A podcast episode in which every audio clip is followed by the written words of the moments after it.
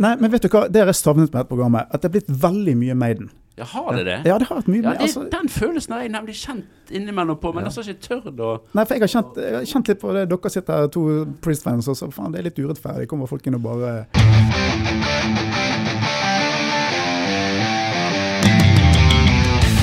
Priest versus Maiden.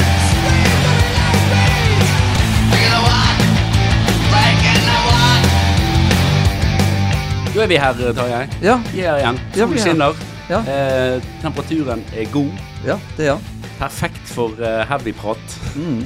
Perfekt for innendørs uh, heavy prat. Ja, ja da. Det er han, altså. Det er best, uh, det er best inne. Ja. Du, sist gang så sa vi jo at vi ikke hadde fått noe mail.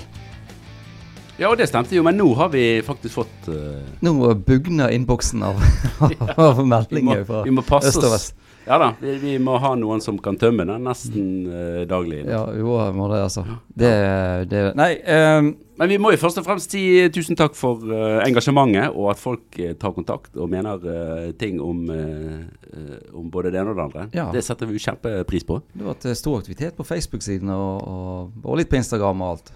Og litt lite på TikTok. Ja, Kanskje, litt på kanskje hvis, vi, hvis vi snakker mer om TikTok, så kommer det kanskje mer folk der òg.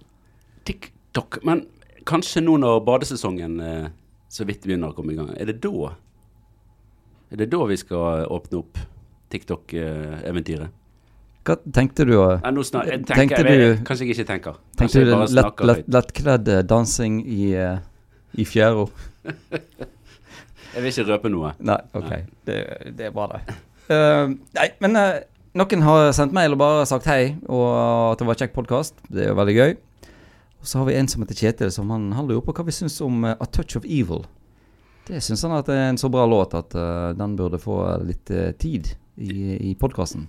Ja, Der er vi vel enige. Ja, det er jeg helt enig i. Jeg syns det, det er en av de bedre på, på Painkiller-platen, helt mm. klart. Og, og um, det er vel den ene låten som har et- litt sånn tydelig synt- eller keyboard-arrangement. Mm.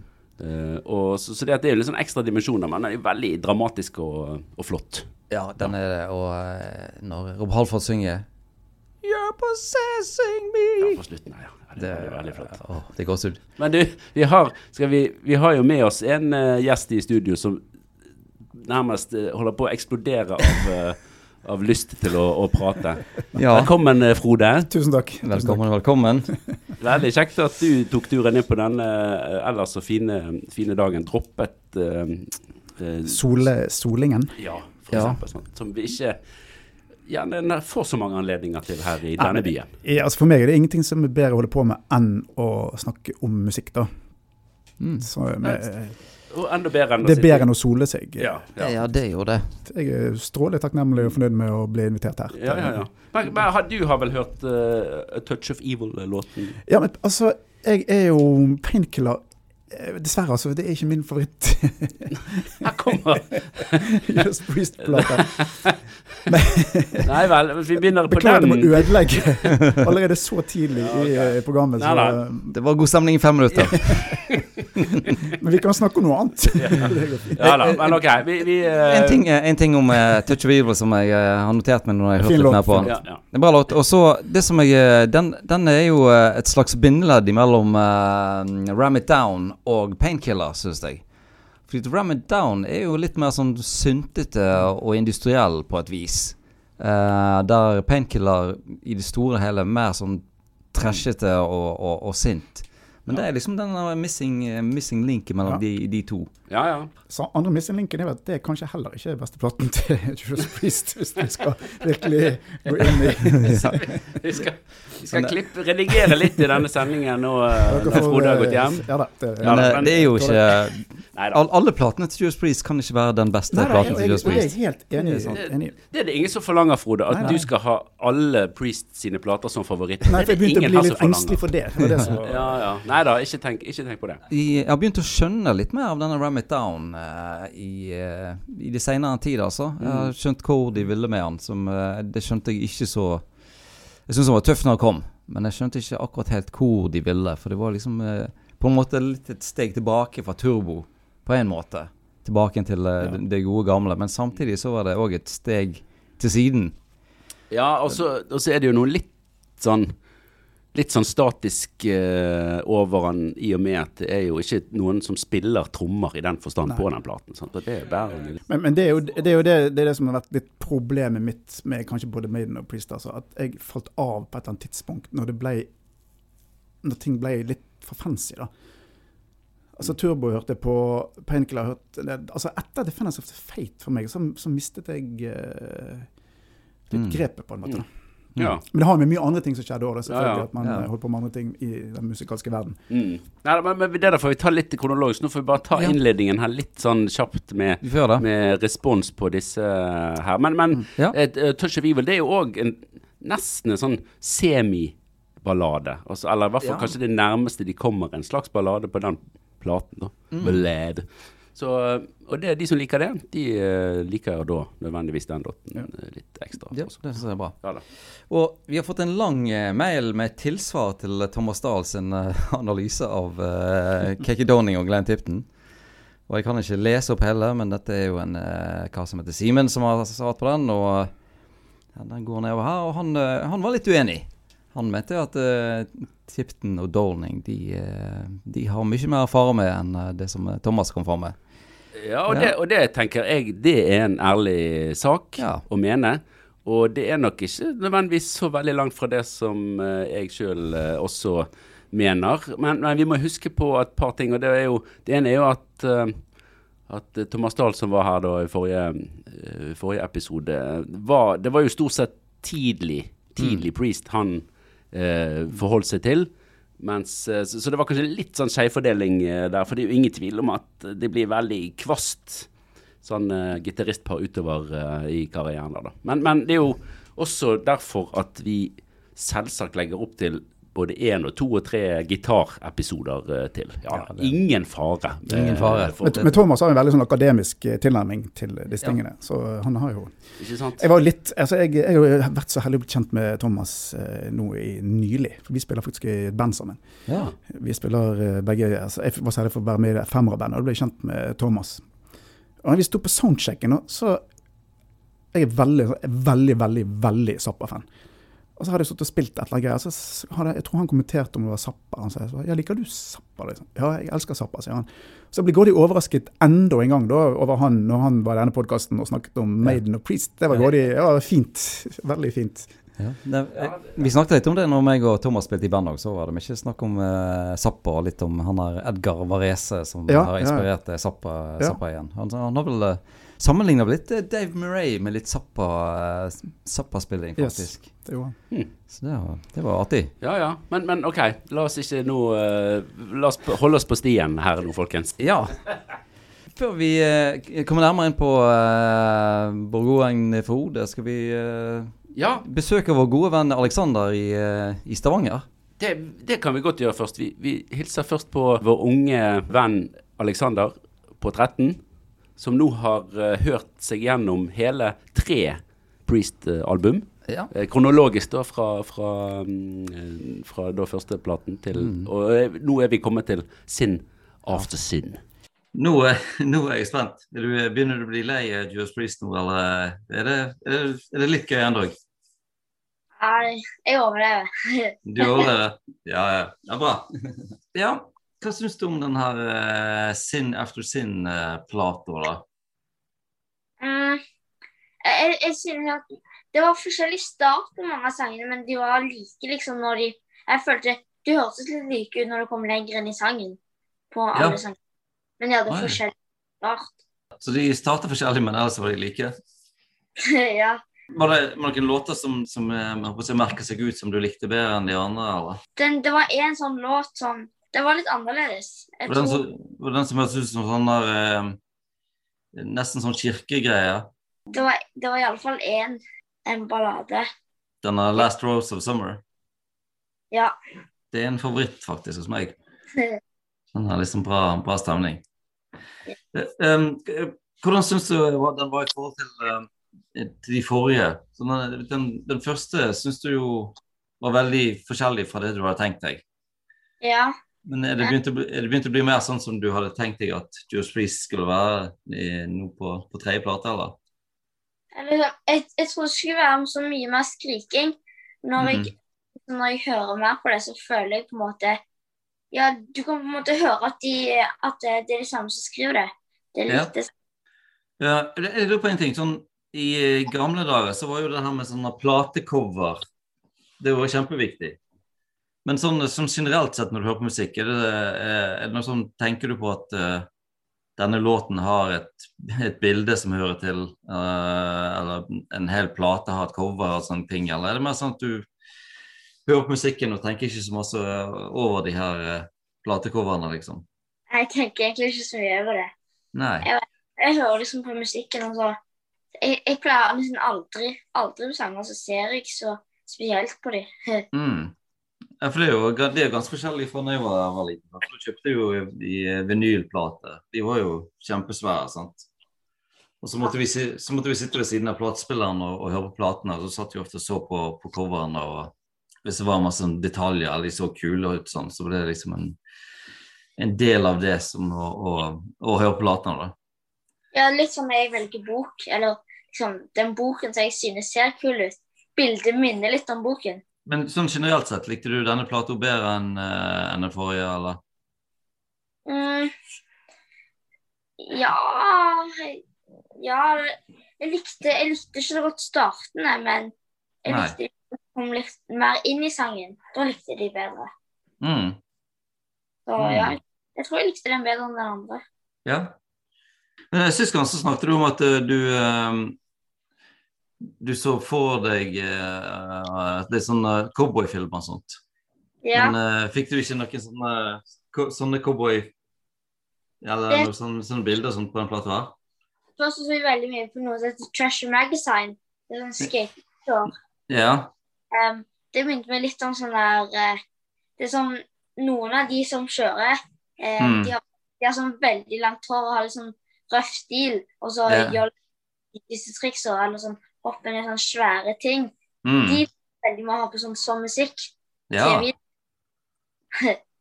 Kult. Det var interessant, Alexander. Er det noen av de låtene her du kunne tenke deg å høre på at de spiller på konsert og sånt? Ja, den eh, Dette var liksom en ballade. Den balladen? Mm. Ja. Den tror jeg ikke de pleier å spille. Men eh, neste gang så eh, er det en plate som heter Stained Glass, som eh, det, Der begynner det kanskje å bli litt mer sånn eh, rett fram, rett fram-heavy. Så eh, da får vi se hva du, hva du syns om det, da. Ja. Ja, det er alltid like koselig, syns jeg, å høre hva Men han finner jo eh, de riktige Altså, det er mye riktige eh, Ja. ting han poengterer, syns jeg. Ja, mm. Og han trekker frem Last Laws of Summer, som er bare en fantastisk låt, syns jeg. den, er, den er jo nydelig. Men det er ikke, det er ikke en typisk Priest-låt? Nei, kanskje. det er det ikke. Og det er vel kanskje ikke Jeg er veldig glad i den platen, der, for det, det minner meg så mye om andre typer 70-talls Mm. Queen. Eh, Det var sånn jeg oppdaget den platen, der, for jeg hørte på Queen og hørte noe som lignet så mye på det. Mm. Så har de jo de her eh, av. Sinner er jo sinnssykt bra, syns jeg. Mm. Men de likte ikke han så godt. Nei. Han likte ikke så godt åpningen, men Nei. det var, det var jo litt uh, Ofte er jo de litt sånn forseggjort med Priest. Ja. Uh, ja. Ja, det er rart, men også blir alle låtene like etter hvert, sier han. Ja. At det var sånn skatemusikk, det Ja. ja, men det var, det, det var ikke nødvendigvis Det var det at det var røffe folk med røff stil. Det var folk Rufsete folk. Ja, liksom. ja. Det, var, det var musikk for eh, røffe folk med røff stil. Ja, Og- sånn ja. skatevideo. Ja, ja, ja. Langt hår og Mm. farlige skatetriks. Ja. Det var en veldig Ja, artig assosiasjon. Det var stilig. Men det går jo, altså på uh, side to på Sinnef sin, den har vi jo snakket eh, inngående om eh, Mm. med, med Kim Holm. Så der, det går jo litt unna der på, på eh, Call for the Priest og, Ja. og Raw Deal og, Ja, og, og, Dissident Guesser og sånt. eh. Ja, ja, ja. Raw Deal er jo litt sånn funky, uh, Mm. funky, funky låt, egentlig. Ja, ja i hvert fall. Eh. Ja, så det, dette var gøy. Ja.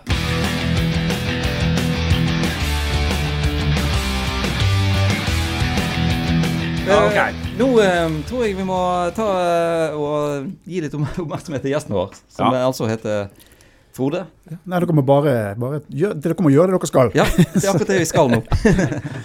Så eh, Harald Frode Unnland, som eh, som jeg har jobba med på Garasje, Ja, det. rockepuben Garasje på tidlig 90-tallet. Og jeg har snakket før om eh, jeg håper å når jeg kom fra eh, Nord-Holland til, til Bergen og, og traff Jannicke. Og så var det noen år seinere når jeg eh, flyttet til Bergen igjen for å studere og likte heavy. Men så fant jeg ut at det var band i Bergen som uh, var, ikke var heavy, men som var like tøff som heavy. Og da var det litt sånn uh, Oi, kanskje, spent. Ja.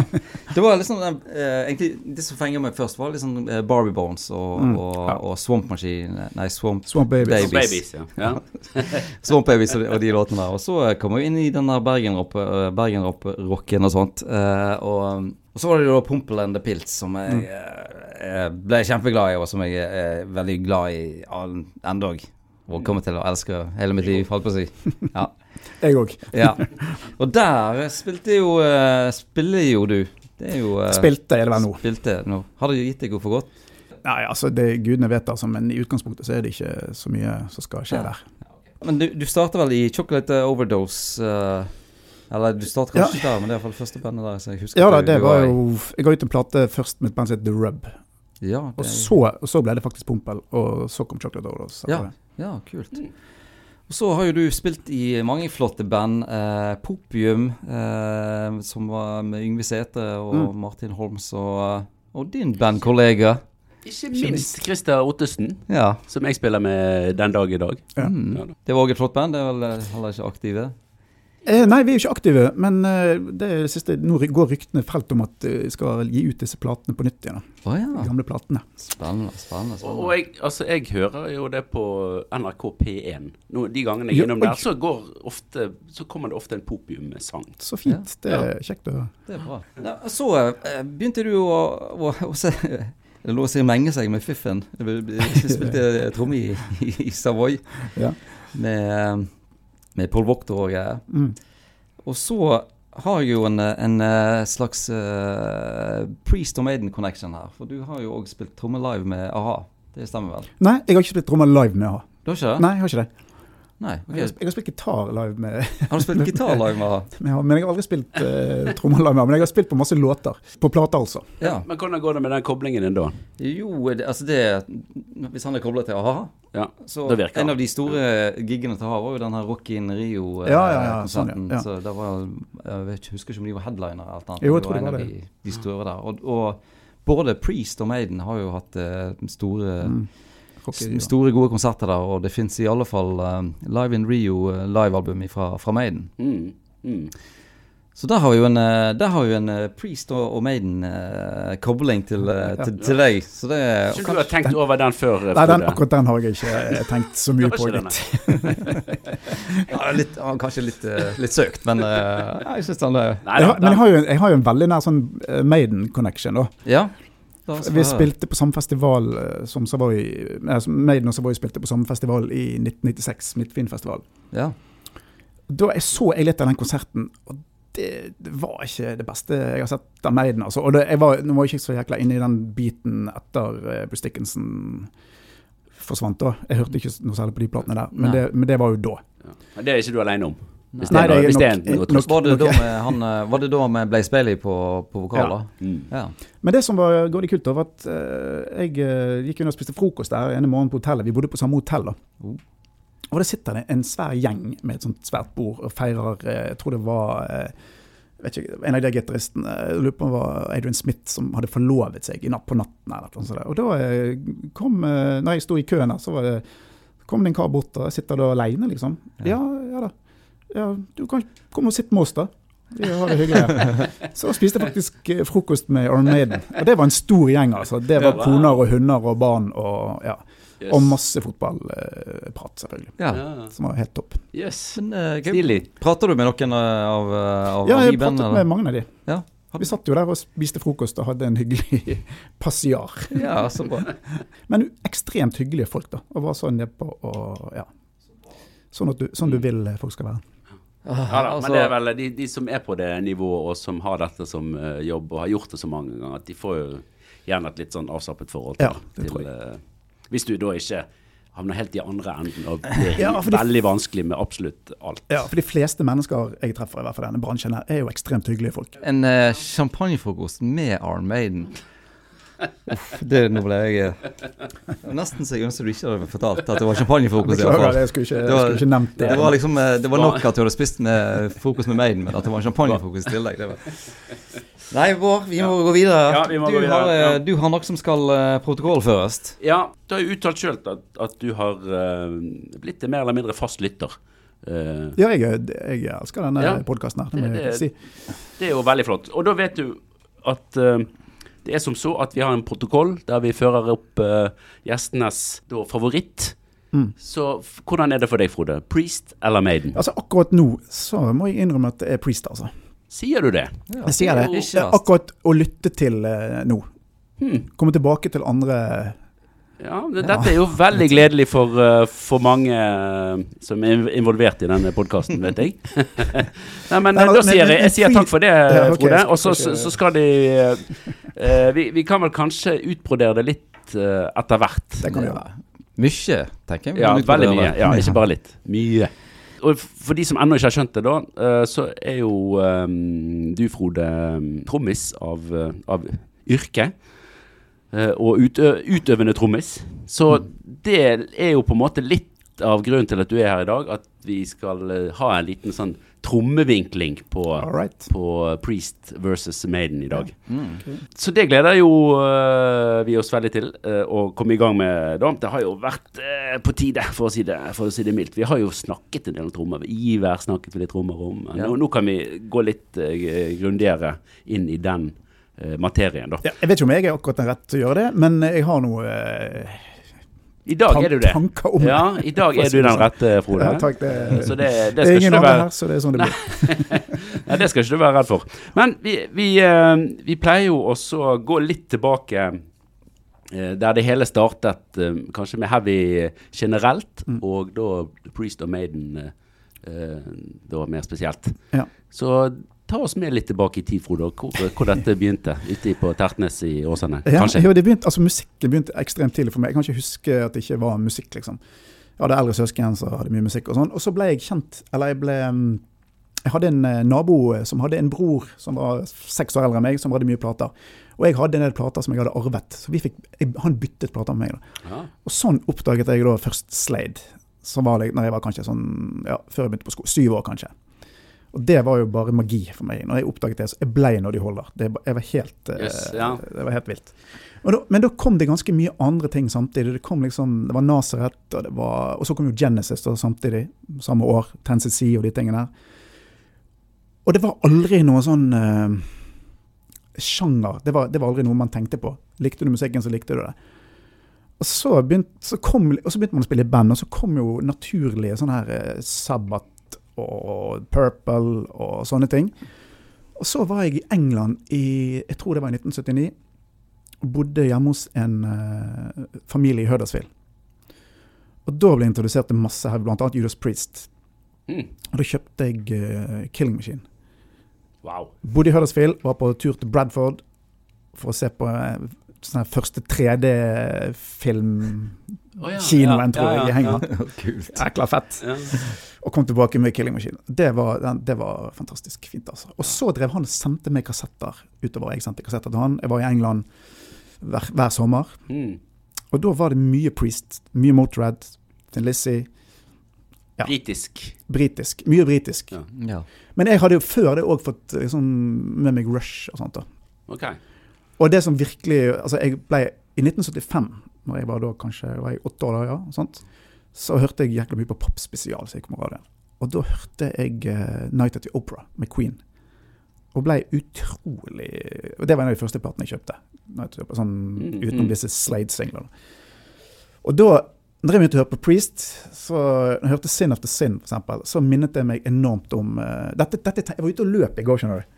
Og da hørte jeg på Sin After Sin, og da kjente jeg den følelsen når jeg hørte Queen. Det minnet meg så jækla mye Ja. om det, altså. Ja. Samme Ja, litt sånn her uh, oppbygging av låter, balladene, og så stemmen til Rob Halford. da. Jeg syns Mm. han synger bare helt utrolig bra på den platen. Mm, Ja. Og samme Phillips på trommer, da. Som, Ja. eh, og Ja. så kom jo da eh, Ble jeg presentert for Number of the Beast. Samtidig som ble jeg presentert med for Van Hale og disse tingene. Og den platen ble òg sittende godt igjen. Mm. Og så når neste plate kom, 'Peace of Mind', så eh, den, eh, den spilte jeg i hele. altså. Og så var du inne i heavyrocken. Men så har jo ting gått andre veier etter hvert, da. Men det har jo vært der på en måte hele tiden. Du har jo alltid hatt med deg den, eh, den musikken. Mm. Men, men det å, å liksom være på eh, hva skal jeg si, hjemmebane, hjemlandet til, til, til Priest, og høre det for første gang, det må jo være litt i på sett og vis litt i samme miljø, kanskje, da, sånn rent eh, Ja, jeg var jo ekstremt Altså- misunnelig på han eh, kompisen min som bodde der borte. For han så jo da Priest eh, og alle disse bandene på den tiden her. Ja. Mm. Mm. Sant? Venom, eh, husker Ja. jeg han hadde vært på Venom-konsert, så var det, det var bare helt vilt. Ja, ja, det ville jeg tro. Men, jeg syns jo det der med at eh, eh, det, det, det har kommet litt opp, uh, iallfall uh, Jeg vet ikke om det er flere som har snakket om det, men det har kommet litt opp der at eh, Priest egentlig var ganske Queen-inspirerte. Ja, det, det, det, sånn, det eh, tror jeg er på. Ja, for det, og det har jo Jeg vet eh, det er jo for så vidt ganske eh, tydelig at Rob Halford iallfall eh, har Freddie Mercury som et eh, Ja. stort forbilde for det. i fall da.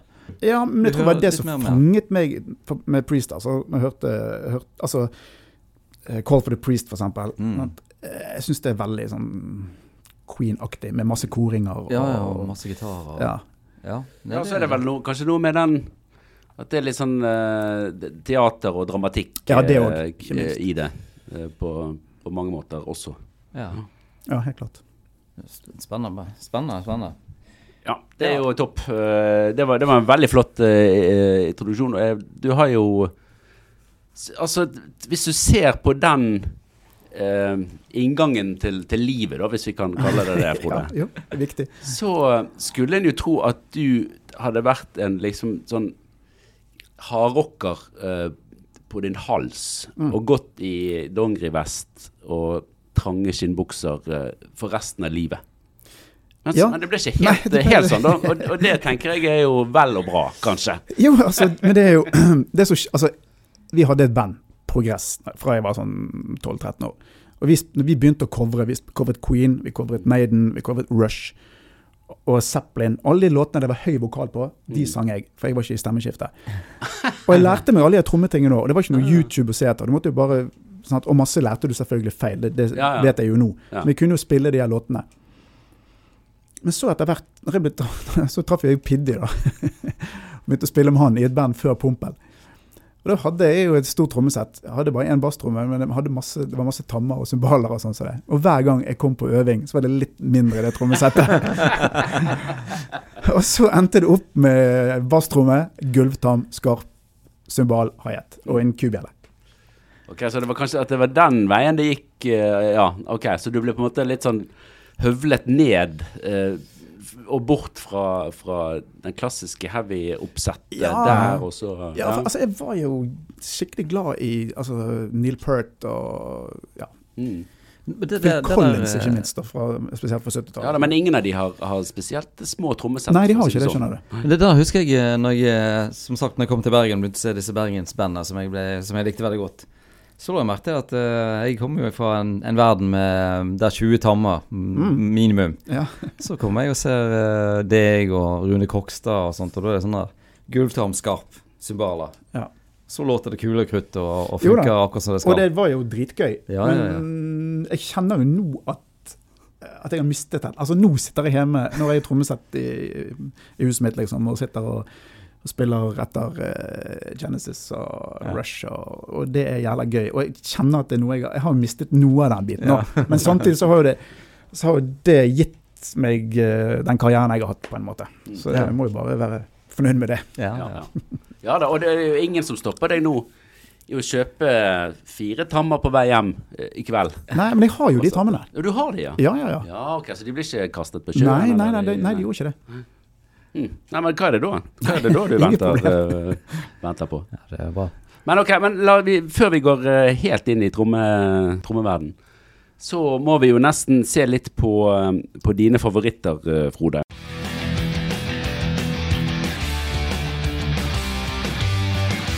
Ja, du, jeg vet at du har forberedt her minst to av fire ark for hver Nei, men det, det som er problemet fint, med, det. ja, det er problemet med å finne favoritter, er at eh, de endrer jo seg for hver Ja, jækla dag. Ja, det merker jeg òg. Ja og sånn, sånn har alle det. Så det at dette blir et lite sånn eh, tids... eh, Hva heter det? Tidsbilde. sant? Tidsdokument. Tidsdokument for dagen i dag, og de som var favorittene akkurat nå. Men, men det er jo alltid kjekt å høre hvorfor, hvorfor ting er som de er akkurat i dag, da. Jeg hadde, har jo, som mange andre, en lang liste med låter som jeg kunne tenke meg på den topp treen.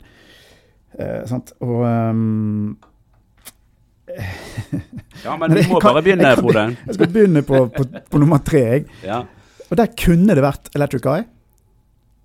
Okay. Men jeg ikke, altså, der er noen jævla flotte låter på den platen, Scream for Vengeance. Men um, jeg gikk heller for Exciter Oi.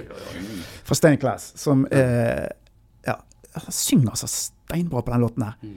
Og jeg er jo ikke Altså, jeg spiller ikke doble basstrommer, men måten han gjør det der, det er flott. Det er ikke, sånn, det er ikke bare doble basstrommer gjennom en hel låt. Sant? Det er der det skal være. Mm. Kjempefint. Og Ja. Rob Halford synger knallbra. Ja, ja, ja. Flotte ja. gitarer. Og, ja. Og, og, ja, og trommemessig, eh, ja. Det nevnte du jo for så vidt, med doble kagger og, Ja, og Den satte jo litt standarden for eh, heavy-tromming Ja. framover. ja, Altså. det, og det gjorde han jo virkelig. tempoet og litt sånne ting. Mm. Ja da. Mm. Stained Class tror jeg, hvis jeg tenker meg om, jeg tror det var den som eh, Metal Hammer utnevnte til the heaviest eh, metal album ever. Ja, ja da, da, da er du innenfor heavyen. Det er Men vi da, enige ok, om. men da skal vi gå på låt nummer to. Og Det er da fra Killing Machine. Og nå skal vi inn i litt sånn pompelland, for det er Hellbent for Leather. Ja. Og det er Og det er veldig sånn pompel for meg. Ja. Så når jeg hører den låten nå, så tenker jeg på eh, sånn pompel, altså. Så det går an å Det er en liten link der. Hva, men det er de, du synkop, det, men det de synkopene sant, som, Ja. går igjen, som eh, går igjen i masse Priest. Som går igjen i utrolig mye Mm. av Piddy sine, sine låter. Ja, ja. Ja, Så kommer vi til uh, Sinn efter sinn. da. Der var det mye å velge mellom, men um, altså det, er en, det er en sånn plate som jeg virkelig har hørt mye på. Og der har jeg valgt åpningslåten 'Sinner'. Hmm. Ja. Jeg er helt ute å kjøre i forhold til dere nå, gutter. Jeg ser- Nei, men- jeg- jeg, elsker, jeg elsker Sinner, altså. Det er for en, for en låt. Og det, Ja, jeg kunne, altså det, Der er noen ballader på den platen, og det er Call for the Priest og det er Raw Deal og alt det der, men det var den det ble i går. Mm. Ja. Jeg syns det er så ah, Det er så mange bra vokal Ja, det er så for å si sinnssykt mye bra vokal. Curse and damn you. Den har jo oppgangen der. Altså, er den der God of the devils, God of the, God of the devils. Ja, fantastisk bra. Altså. Det, Ja, det er ganske kompleks låt, eh, sånn eh, hvordan den er satt sammen. eh, Ja, for, altså, det er jo litt sånn Det er jo litt proggete. Det, altså, den oppgangen der er jo veldig Queen, da. mm, ja, ja visst. Ba, ba, ba, ba. Mm, Den mm. er bra. Mm. da Det er jo på blant annet den låten at, at Priest liksom virkelig begynner å, å si at vi driver med heavy for, for alvor. ja. Det er det vi Skikkelig heavy, det er det Ja. vi driver med. Så, så det er det godt innafor for min del. eh, Ja, ja, ja. altså. Og, og det må jeg si at eh, Vi hadde jo en sånn episode der vi snakket om livekonserter og sånne ting. Og en av de tingene som vi ikke snakket om, det var Eller vi nevnte det så vidt. Det var jo det årene jeg så både Rob Halford eh, og Bruce Dickinson sine soloband på, på Sweden Rock-festivalen. Og da var Sinner en av de første låtene. Ja, og da sto jeg helt framme med Ja, scenen med, Wow. med Rob Halford og, du, og. Sinner og Oi, oi, oi. Ja, men det må jo ha vært en fullgod Priest-opplevelse. Ja, den var, eh, den var veldig, den var veldig Det var en veldig god opplevelse. Og i hvert fall, det var i hvert fall det beste du kunne få eh, på den tiden. Ja. Når Rob Ja, ja. Ikke var med i Priest. Ja, ja, Ja, ja. det, det er det jeg liksom er lei meg for. Jeg har aldri sett Priest eh, live, altså. Oi, ja. du, må, da- du må bli med også, Ja, Alexander. jeg tenkte på den. eh, Ja, fanken heller, altså. ja nei, da, da må jeg dessverre meddele, Frode, at da har du gått glipp av noe. Ja, jeg vet jo det. Du har hatt mange oppturer i livet ditt, men der er det Du kan Du har én til gode der, faktisk. Ja. Du kan ta det enda et. Det er jo kjekt å vite når man er blitt så gammel at man har liksom Ja, ja, ja. ting å se frem til i, Ja, i livet Ja, for den, det er fullt mulig, det. er- Men til jeg, jeg år, tenker hvis vi tar med oss Frode ned på den Priest-konserten Plutselig havner vi på champagnefrokost med Rob Halford. Ja, det kan ikke Eller Maiden. Eller Maiden. Jeg tar begge deler. Ja, den, Lover ingenting, men eh, Det syns jeg var en, en spennende tanke. ja ja, men det var, det var da altså topp eh, tre uh, Priest-låter. Ja. Men, men albummessig Jo, da begynner vi på tredjeplass på Priest-album. sant? Uh, der har jeg Stained Class. Det var den første platen som var på Billboard topp 200, sikkert. Tror jeg, med de. Mm. Og det som vi snakket om i sted, er jo Exciter, og så Beyond the Realms of Death, som er en fantastisk låt. Også Better By You, Better Ja. Me. Fantastisk coverlåt, syns jeg. Ja. Har dere hørt Spooky Tooth sin versjon? Jeg har Ja. den faktisk på vinyl. Ja. På den. Og den òg er jo st- Ja, stilig stilig. låt. Ja. Men det er en utrolig bra eh, versjon av den, syns jeg. ja. Altså. Ja, ja, ja. De er gode på det, altså. Men det er, det, den, det er jo vel den låten som òg er dette her uh, selvmordsgreiene, sant? Ikke det? Det Jo, det var, den, det var det, var, da- det var snakk om uh, Den da. låten, tror jeg. Ja. Så det er jo en uh, plate som har gjort, uh, gjort fra seg, holdt jeg på å si. Ja. På andreplass så har vi 'Killing Machine' fra 78. Det, er, det er en av mine eh, favoritter også. eh, Ja, altså, den- Priest. Altså. Når jeg hørte på den, så jeg, jeg har en plate som jeg syns er bedre enn den, men den platen har, faen, jeg har ikke noen dårlige låter, syns jeg. Jeg liker alt på den platen. Mm. Det er jeg helt, Det det er helt enig i. Ja. Ja, og så er det jo der de kommer inn i det leather and studs-outfiten Mm. sin. Mm, mm. Og det begynner å bli litt Mm, delivering the goods. Oh, Og så en liten fact for den platen her. Hvis jeg husker riktig, så har Human League eh, gjort en liveversjon av Take On The World. Ja vel. Yes. Hmm. På Det 80-tallet. Å ja, jøss. Yes. Jeg på YouTube. Ja, jeg, har jeg prøvd, jeg har prøvd å finne den. Jeg, bare, jeg satt og leste om Human League her for eh, noen år siden. Og det husket jeg nå, men jeg fant ikke ut av det. Men jeg mener de gjorde en, uh, gjorde den live, altså. Ja. Skikkelig uh, Litt sånn synt. Uh, Ja, veldig. Sånn 80-talls, Bare synt. Ja, ja. ja, nødvendigvis. Der er jo folk sier at eh, dette er jo, jo uh, Priest sin uh, We Will Rock You.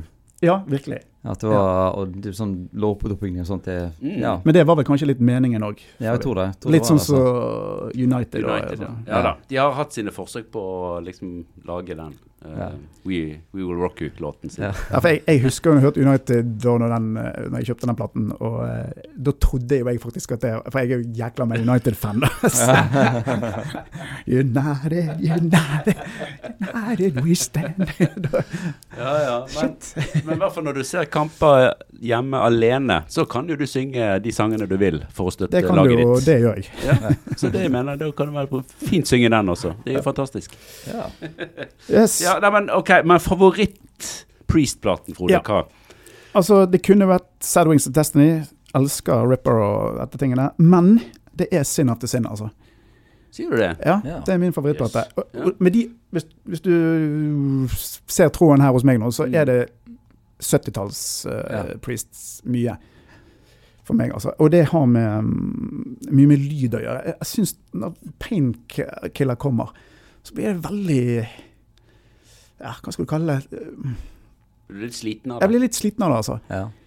Hva- hva- Jeg ble sliten av det da, i hvert fall. Mm. For da, var jeg kanskje, da holdt jeg kanskje på med noe annen, var i noe annen musikk, rett og slett. Mm. Mm. Jeg tror det er mye med det å gjøre òg. Mm. Hørte på Painkiller en dag, og jeg hører jo det at det, det går fint an å høre på den platen. det sånn. Ja, det mener mange. Den dag i dag. Men, uh, og jeg vet jo at det er en av deres, uh, ja, mange sin, sin favorittplate. Mm. ja. Ja.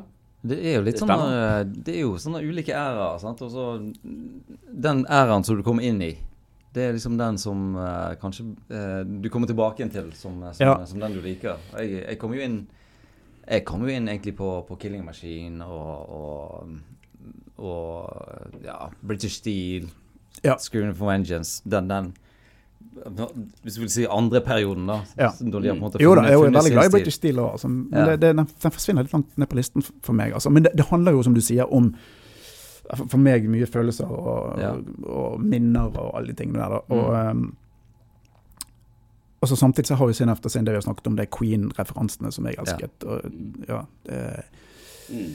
og så låt, jeg synes det låter så steike bra, altså. Ja, det, Trommene det låter kanonbra. Rob synger bra. Gitarene eh, Mm. Ja. ja. Det blir, jeg blir litt sånn, Den platen Og de, den balladen Eller det er jo flere ballader der. Altså, det, Ja. de er jo så fine. Ja. Mm. Ja, det, Og tekstene og alt dette. Ja.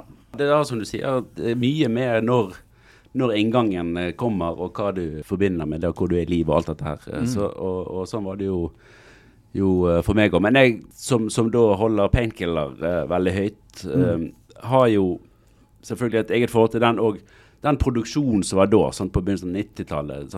Ja, Den var jo likevel til tider litt nesten organisk sammenlignet med mye annet som kom uh, på Ja den tiden. Sånn, Så, men, men selvfølgelig, jeg nå når jeg er blitt litt eldre og har hørt uh, så mye god rock opp igjennom, så er det jo klart at uh, jeg òg er veldig glad i, i 70 og ja, spesielt altså 70-tallet og den lyden som er, Ja. altså de produksjonene som er da, som er veldig sånn organiske og varme. Og ikke minst det der at de At det er på en måte så god plass i, i lydbildet der, da. Mens du mer og mer får da sånn komprimert lyd. Ja. Og til slutt så høres det ut som bare Ja, som eh, du snakket om, at det er spilt inn inni en synthesizer. Men det som òg går fint med Sin etter Sin, at det er jo liksom Du hører Altså, det er Roger Glover som har produsert, og det er samme Phillips spiller trommer. Og eneste platen han spiller trommer på med Mm. Priest, som jeg vet om i hvert fall. Ja. Og det, så det er jo Jeg har i hvert fall hørt med folk sånne Priest-fans si ja, men det er liksom en sånn her Priest-plate der ikke Det er liksom ikke hele Priest, på en måte. Det er liksom. Mm. Men Samuel Phillips gjør jo en sinnssykt bra jobb der. Det er jo, han står jo så fint. Ja, ja. Er han liksom 15 år, eller Han er jo i hvert fall veldig ung. Ja, Han han er kjempeung, det. Og, Men han spilte jo trommer altså han spilte jo trommer i faren sin sånn Dixieland-band da han var eh, guttunge, liksom. ja, ja. En ting som jeg syns var gøy med han, da, det var at uh, han uh, Om han debuterte, vet jeg ikke, men han spilte iallfall i Jesus Christ Superstar. Det gjorde han. Og så gikk han derfra til uh, Judas Priest. Ja, men han spilte òg i den en annen, en enda en sånn musical. Ja. Evita, tror jeg. Oh, ja, altså. Der var med der òg. Så han det, eh, allsidig jeg tenker jo at eh, nå når eh, nå når Priest er blitt gamle og de, har jo, de prøvde jo så vidt å leve ut denne musical-drømmen med, med Nostradamus. Ja. Kanskje vi skulle høre opp igjen med Simon Phillips og virkelig leve ut. Ja. Jeg har et navn. Judas Priest Superstar. Oh! Ok, vi sender den uh, direkte uh, til managementet nå når vi gir oss her i kveld. Uh. Men en Så, ting til ja. fra den platen må bare ta med når vi detter litt ting i hodet. Bare stoppe meg, det blir for mye. Men hør den Diamonds and Rust-låten, da. Ja. Som òg er en fantastisk coverlåt. John Baez-låt. Mm, mm, ja. Som jeg har sett at hun òg var veldig glad i. Den versjonen som Judas Priest gjorde. Ja, ja. Ja, ja nei, de er helt eh, det det er ingen tvil om at de har eh, en veldig god hånd med eh, de coverlåtene som de Ja, eh, det- gjør. Så det, det, Var ikke, det er det ingen tvil om. var ikke de i denne boken til Rob Halford at uh, han så at John, Brace kom mot, mot han, Ja. og så tenkte han shit, nå skal jeg få kjeft. Ja.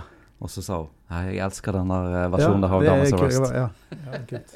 Det er bra. Ja, det er flott. det god stemning. flott scene. Ja, men det er masse, det men det, den platen har så mye greier, og jeg tror deler av platen er spilt inn i The Who sitt studio. Så da har du liksom Where can you go? Ja, sant. Det må bli bra, det. Ja, det må bli bra. Men eh, det, dette har jo vært fantastisk nå. Vi har jo nesten kun snakket om uh, Vi har jo ikke nevnt Maiden omtrent. Uh, og ikke det at det i i seg sjøl er bra, men at vi har hatt et sånt godt Priest-fokus, det kan jeg nesten ikke huske at vi har Nei, men vet du hva, det har jeg savnet med dette programmet. At det er blitt veldig mye Maiden.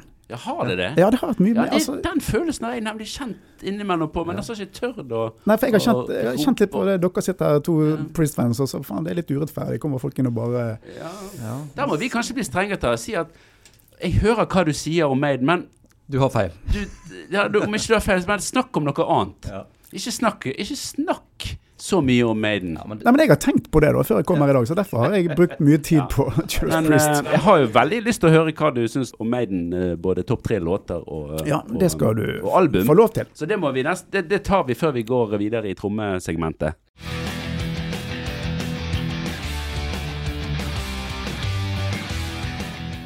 Nei, men da kan jeg begynne på Maiden topp tre låter, da. Ja.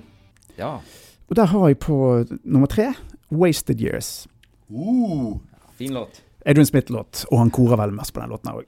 Um, det som er litt artig med den, altså, den singelen, da, er jo det at eh, det er en låt som heter The Sheriff of Huddersfield på B-sidene. Aha, da skal vi tilbake til Huddersfield, da. Ja. Ja. Det var en fin connection. Ja, ja. Det handler ikke så mye om Huddersfield, men det handler jo om han Rod, manageren. Ja, Rod Smallwood, ja. Yes. Akkurat. Ja, noe med- han flyttet vel til LA eller noe sånt, så det, og passet ikke helt, klarte liksom ikke helt å innfinne seg der borte. Så, de, og så tror jeg de laget den låten uh, uten at han visste det, da, så spilte de for han i studio.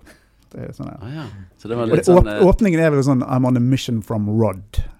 Som er basert på den Blues Brothers-greien. Sånn, I'm a mission from God. Jeg tror det er Nico McBrain som sier det på begynnelsen av låtene. Så det er litt sånn practical joke-låt, Ja. på sett og vis. Ja. Men det er jo det som kanskje skjedde med å få Nico McBrain inn i, inn i bandet. Det ble mye humor der. da. Mm, Jeg skal ikke si noe stygt om Clive Burr, altså, men eh. OK, det var 'Wasted Years'. Ja, Mm. det er en kjempelåt. eh, Det er helt klart. Ja. Og jeg, jeg må bare komme plutselig på en annen ting òg, Ja. hvis dere trenger Jeg tror det- Tardis, Doctor Who Ja. Mm. ja, Jeg tror det ikke det som er på coveret av den singen, eller? Jeg tenker meg om. Jo, det var det kan godt hende, Ja. jeg det faktisk. skal ikke jeg eh, ja, Jo, det ikke tror dere jeg- som Dr. Who på Summer in Time-coveret? Jo, det, det er iallfall uh, noen dalekker, tror jeg, på Ja. Summer in Time-coveret. Ja, det, ja da. Så, så det, det, det stemmer nok. Ja, jeg, jeg mener jeg leste det, jeg òg. OK, da går jeg til nummer to. da. Det er Number of the Beast fra Number of the Beast.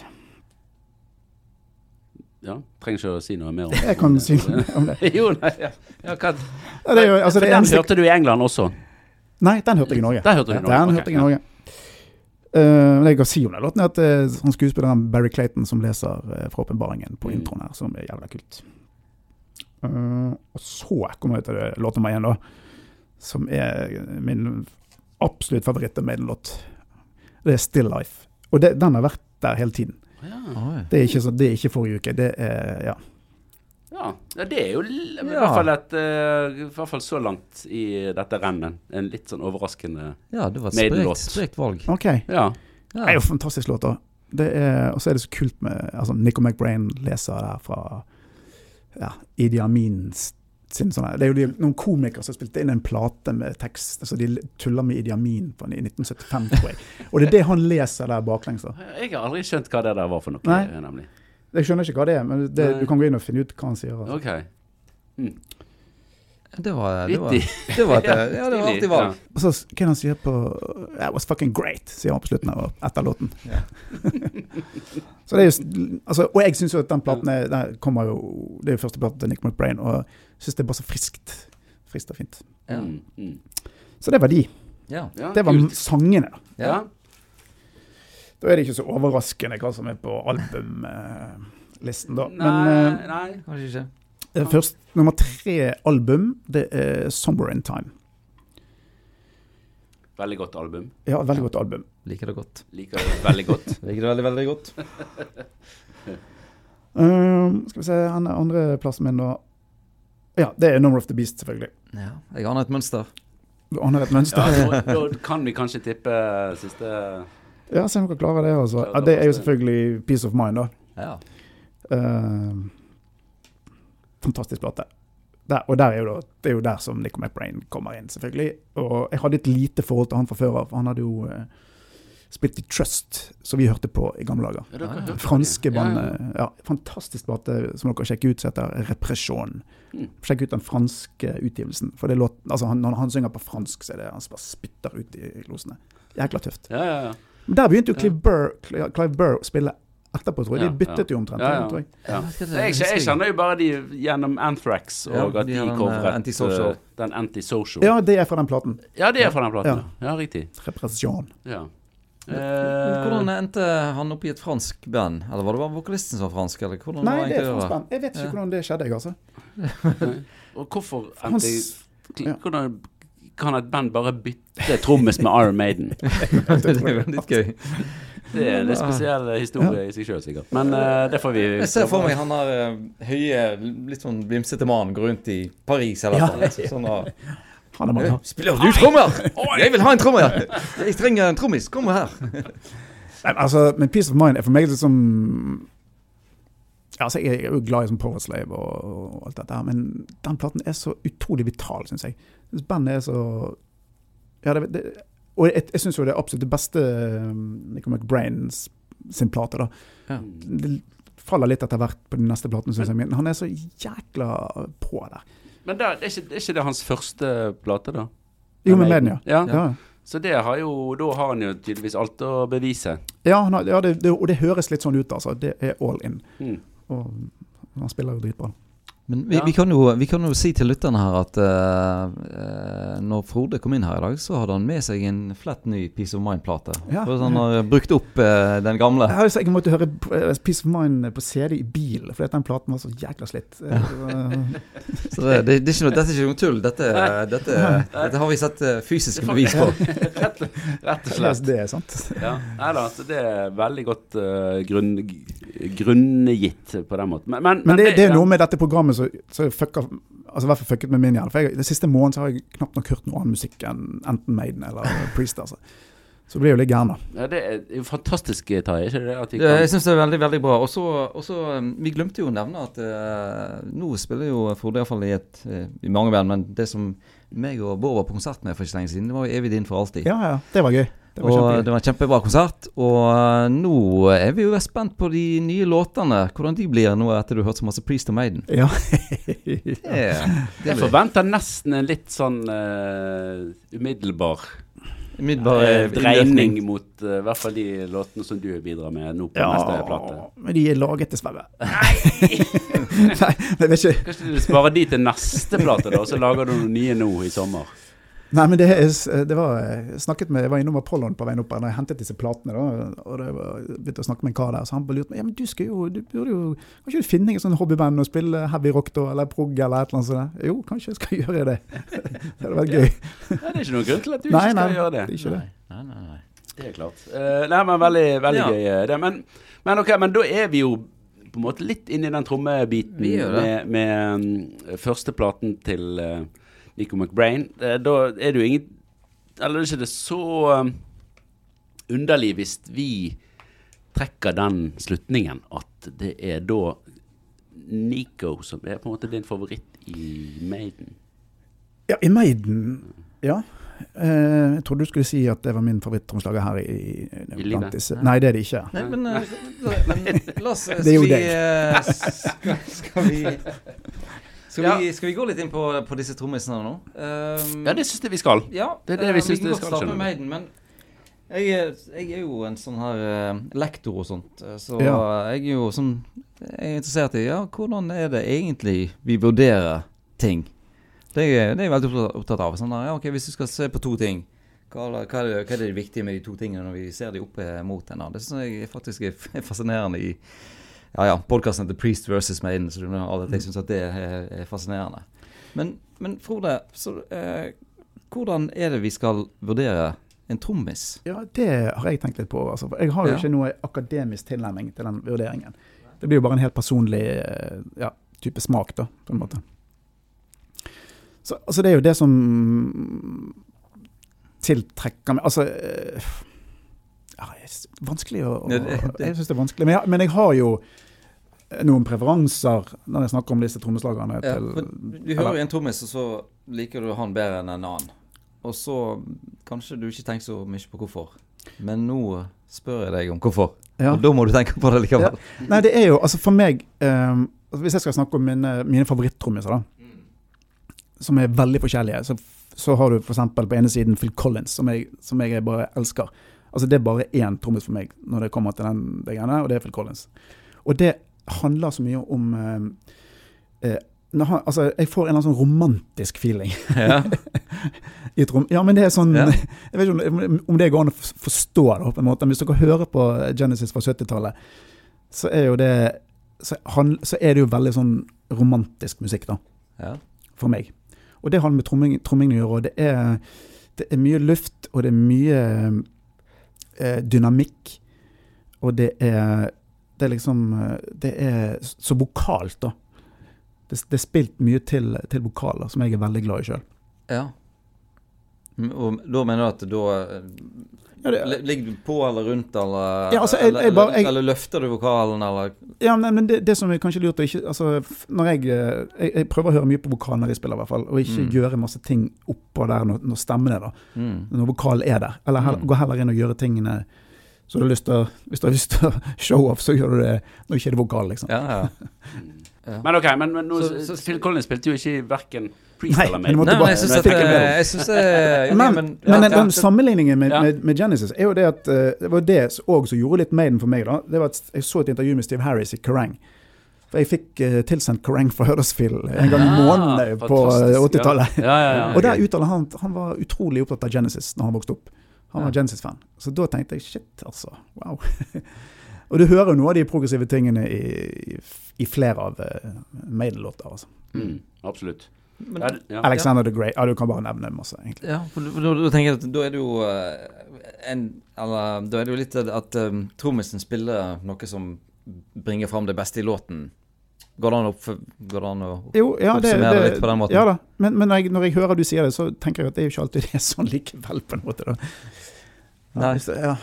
Nei, jeg tenker jo det at det, Jeg syns det blir jækla vanskelig, det der med det kan være ting Lidenskap. i låter som Altså eh, Ja, skal vi kalle det for musisering, da? Bare altså utført av uh, han som spiller trommer. Som ikke nødvendigvis tilfører låten så mye eh, mer enn bare at det var kult å Ja. høre på. Ja. Uh, men det er jo litt det musikk handler om, og det skal jo være kult å høre Skal på. Det er jo ikke det bare en melodi som skal fremføres. Jo, men, så, og, men hvis du hører på Maiden, for eksempel, så er det jo Han er jo Det er mye. Mye tromming. Ja. Men det funker jo utrolig bra likevel. Han er, det, er, det svinger som helvete, altså. Åpningen på, på eh, heter? Åpningslåten på Peace of Mind, Where Angels There. Eller, Where Eagles. There. Eagles There. Det er, fy faen. Ja, men sånn når de begynner å drive utover der òg, det, det er så sinnssykt fett, altså. Ja, der eh, eh, pisker han av gårde, virkelig. Ja, ja, ja. eh, altså. Um, men så har du jo òg eh, Nico i Altså, i hvilken grad har du hørt på det i senere tid? Jeg har hørt på masse Maiden i senere tid, altså. Mm. Jeg, ja da, det har jeg gjort. Og jeg, Matter of Life and Death syns jeg der var Nico litt tilbake igjen, syns jeg. Ja. Der var litt mer uh, trykk i trommen igjen. Ja. Ja, Men jeg så et intervju med han der han uh, sier det at han har en uh, metronom. Ne, metronom, så han sjekker ut låtene, alle låtene før de begynner. Så sier han det. Vi begynner i det tempoet, men vi ender stort sett aldri der. Det går ofte enten ned eller opp. Mm. Og det er Maiden Live, altså. Det Ja. beveger seg enormt, og det syns jeg er fett. Men, men det gjør jo det på plate òg. Ja, det gjør det på Det beveger òg. seg veldig Ja, det opp det. og ned. Og og det syns jeg er egentlig ganske kult. At, Ja, jeg er- jeg er veldig glad i det. At de er sånn da. Ja, helt klart. Jeg er helt, helt enig i det òg. Men, men jeg syns jo at han har blitt litt for tilbakelent. Eh, Jeg da, Spesielt på plate. Også når jeg hører det live, så er han på en måte litt der han skal være igjen. Ja, jeg har jo sett dem noen ganger live i det siste året, så det er jo Det, det fungerer. Men de Ja. Jeg syns det ligger litt, eh, litt tilbake. Og så har han jo Han jo Han har liksom nå bare nærmest slags sånn signatur eh, Hva skal jeg si trommefill som Ja, man er bruker. Ja, de. Eh, som, som på en måte går igjen i, i nesten alt. Og så Ja, akkurat så Har jeg litt sånn følelsen av at han, han er ikke opptatt av å tilføre så mye mer. Han bare holder det gående. på Ja, men han er jo blitt en stor og en gammel mann, da, for så vidt. Mm. Og veldig kristen og alt dette her. Så jeg vet ikke hva, hva det gjør med folk. Du skal ikke ha så mange trommefill hvis du ser i Lukas eh, kapittel. Nei, jeg er godt mulig, Nei altså. Men, men, men der igjen, hvis du tenker på hans alder eh, da, å drive og sitte og styre Altså Maiden-konsert etter Maiden-konsert, Ja, det- nå er ikke det ganske vilt, Ja, jeg syns det er artig, altså. At han klarer å holde kok. Jeg, jeg, jeg, jeg husker jeg så det i, i, oppe i, i, i Vestlandshall. Ja. Og han kom på det og tenkte shit, dette er mulig, liksom. Mm. Det var ikke verdens beste konsert, da, men, men faen, altså. Mm. Ja, for vi har jo snakket litt om dette med at vokalister uh, i 20-årene, når de spiller inn uh, sine beste plater, at de har ikke lagt opp til at skal, de skal fortsette uh, å synge etter 50 år etterpå. Men det har sannelig ikke de som spiller trommer heller eh, tenkt så det mye på. alltid de har gjort det. Bare Altså. én vokalist har gjort det, det er Tom Jones. ja, kanskje. Han har samme stemme som han hadde da han var 35, sier han. Et, Yes, uh, og Lemmy, kanskje. Ja. Ja, kanskje. Han Ja. er jo Ja da. gone, da. Så. Ja, det det. Men, men jeg tenker at, uh, at uh, det er ikke sånn at det er i utgangspunktet at du skal være nesten 70 og så spille to timer Maiden-musikk. Nei, det høres jo helt vilt ut for meg. Det er ganske vilt. Og spille de tingene du gjorde når du var 30, liksom. Og Mm. yngre enn det, faktisk. Mm. Er, det, er, det, er det noe som du kjenner på uh, i forhold til pump eller sånt? Eller går det greit? Jeg går, Nå, nå er ikke du 70. uh, nå Nei, er ikke du 70 ennå. nei. Ikke langt unna. Det Nei, ikke det. er lurt å begynne å tenke på det, i hvert fall. Ja, men Det er kanskje derfor vi ikke uh, gjør dette mer. Nei, vi, hadde, vi gjorde den avs- avs- avskjedskonserten, og så hadde vi planlagt at nå skal vi faen meg finne de her tempoene. Vi skal opp i de tempoene vi hadde Ja. når vi, var, vi spilte India-platene, for det gikk jo Ja. altfor fort alt Ja. sammen. Sånn. Jeg var ikke Jeg tror ikke det var meg som sleit mest med det, altså, Ja, ok. for å si det sånn. Nei, det er ikke verst. Men, Men, vet jeg, em, kan, vi, kan, vi, eh, kan vi snakke litt om Clive Burr og, og um, Nico McBrain og fordeler og ulemper? Og hvordan er de to i forhold til, eh, til hverandre? Og, eh, jeg skal sikkert tanker gjorde meg om det, altså. ja. Det er jo liksom, det er alltid denne eh, Han som var med før. Det noe som, ja, Jo. han var alltid best, han som var med før. Syns det alltid noen, men Ja, jeg vet ikke om jeg er helt enig i det, altså, men, men på, det er jo vitale trommer på Number of the Beast. Altså. Ja. Men han er jo litt mer sånn Noe mer power i han, syns jeg. da. mm, Og det er rett på, og det er i min, mine ører mer rocker. da. Ja. Jeg liker det, jeg liker det veldig godt. ja. Nico McBrain er jo en mer sånn Opplever han som en liksom mer sånn progressiv fyr. Det skjer mye mer, og det er sant? Det er jo Av og til på denne cupen hans er det jo full latina, latino Mm. Ja. Ja. Men, Og han er jo eh, I hvert fall i, i, i begynnelsen her så er det jækla mye tøffe fils, altså. Jeg vet ikke hvordan han Mm. Ja, de, ting forsvinner vel litt etter hvert for han, men eh, Men, jeg, men jeg husker bare når jeg, når jeg, når jeg oppdaget han og, og syntes det var så jævlig vitalt. Og jeg syns at det forsvant litt for meg i Maiden etter hvert. altså. Ja. Mm. Hvor tid cirka? Eh, Nei, det er vel litt sånn... Var det rundt uh, No Prayer of the Dying, eller, Ja, det- eller før det? Ja, det er før det, altså. Som, men Summer of Time hadde han det ennå, eller? Ja, Der begynner det å Jeg syns der begynner det å Etter, skorte. Jeg etter liker at han har slitt seg ut med 5000 konserter på den eh, World Slavery På Tour, et og, og, ja. Da, ja, kanskje det, kanskje det er det Kanskje han ikke eh, orker å spille så mye trommer med Nei, det er ikke sikkert det. Men han, men han har jo så jævla mye trommer, da. Det er jo, det er jo mye trommer der. Men det som er kult med han, er jo den uh, evinnelige, eh, enkle basstrommen som han skal ha, da. ja, ja. Ja, det er gøy. Det er jo litt eh, Jeg syns det er litt Men, kult. men der har han jo Der er en jo litt sånn i en egen klasse nesten når det gjelder sånn Ja.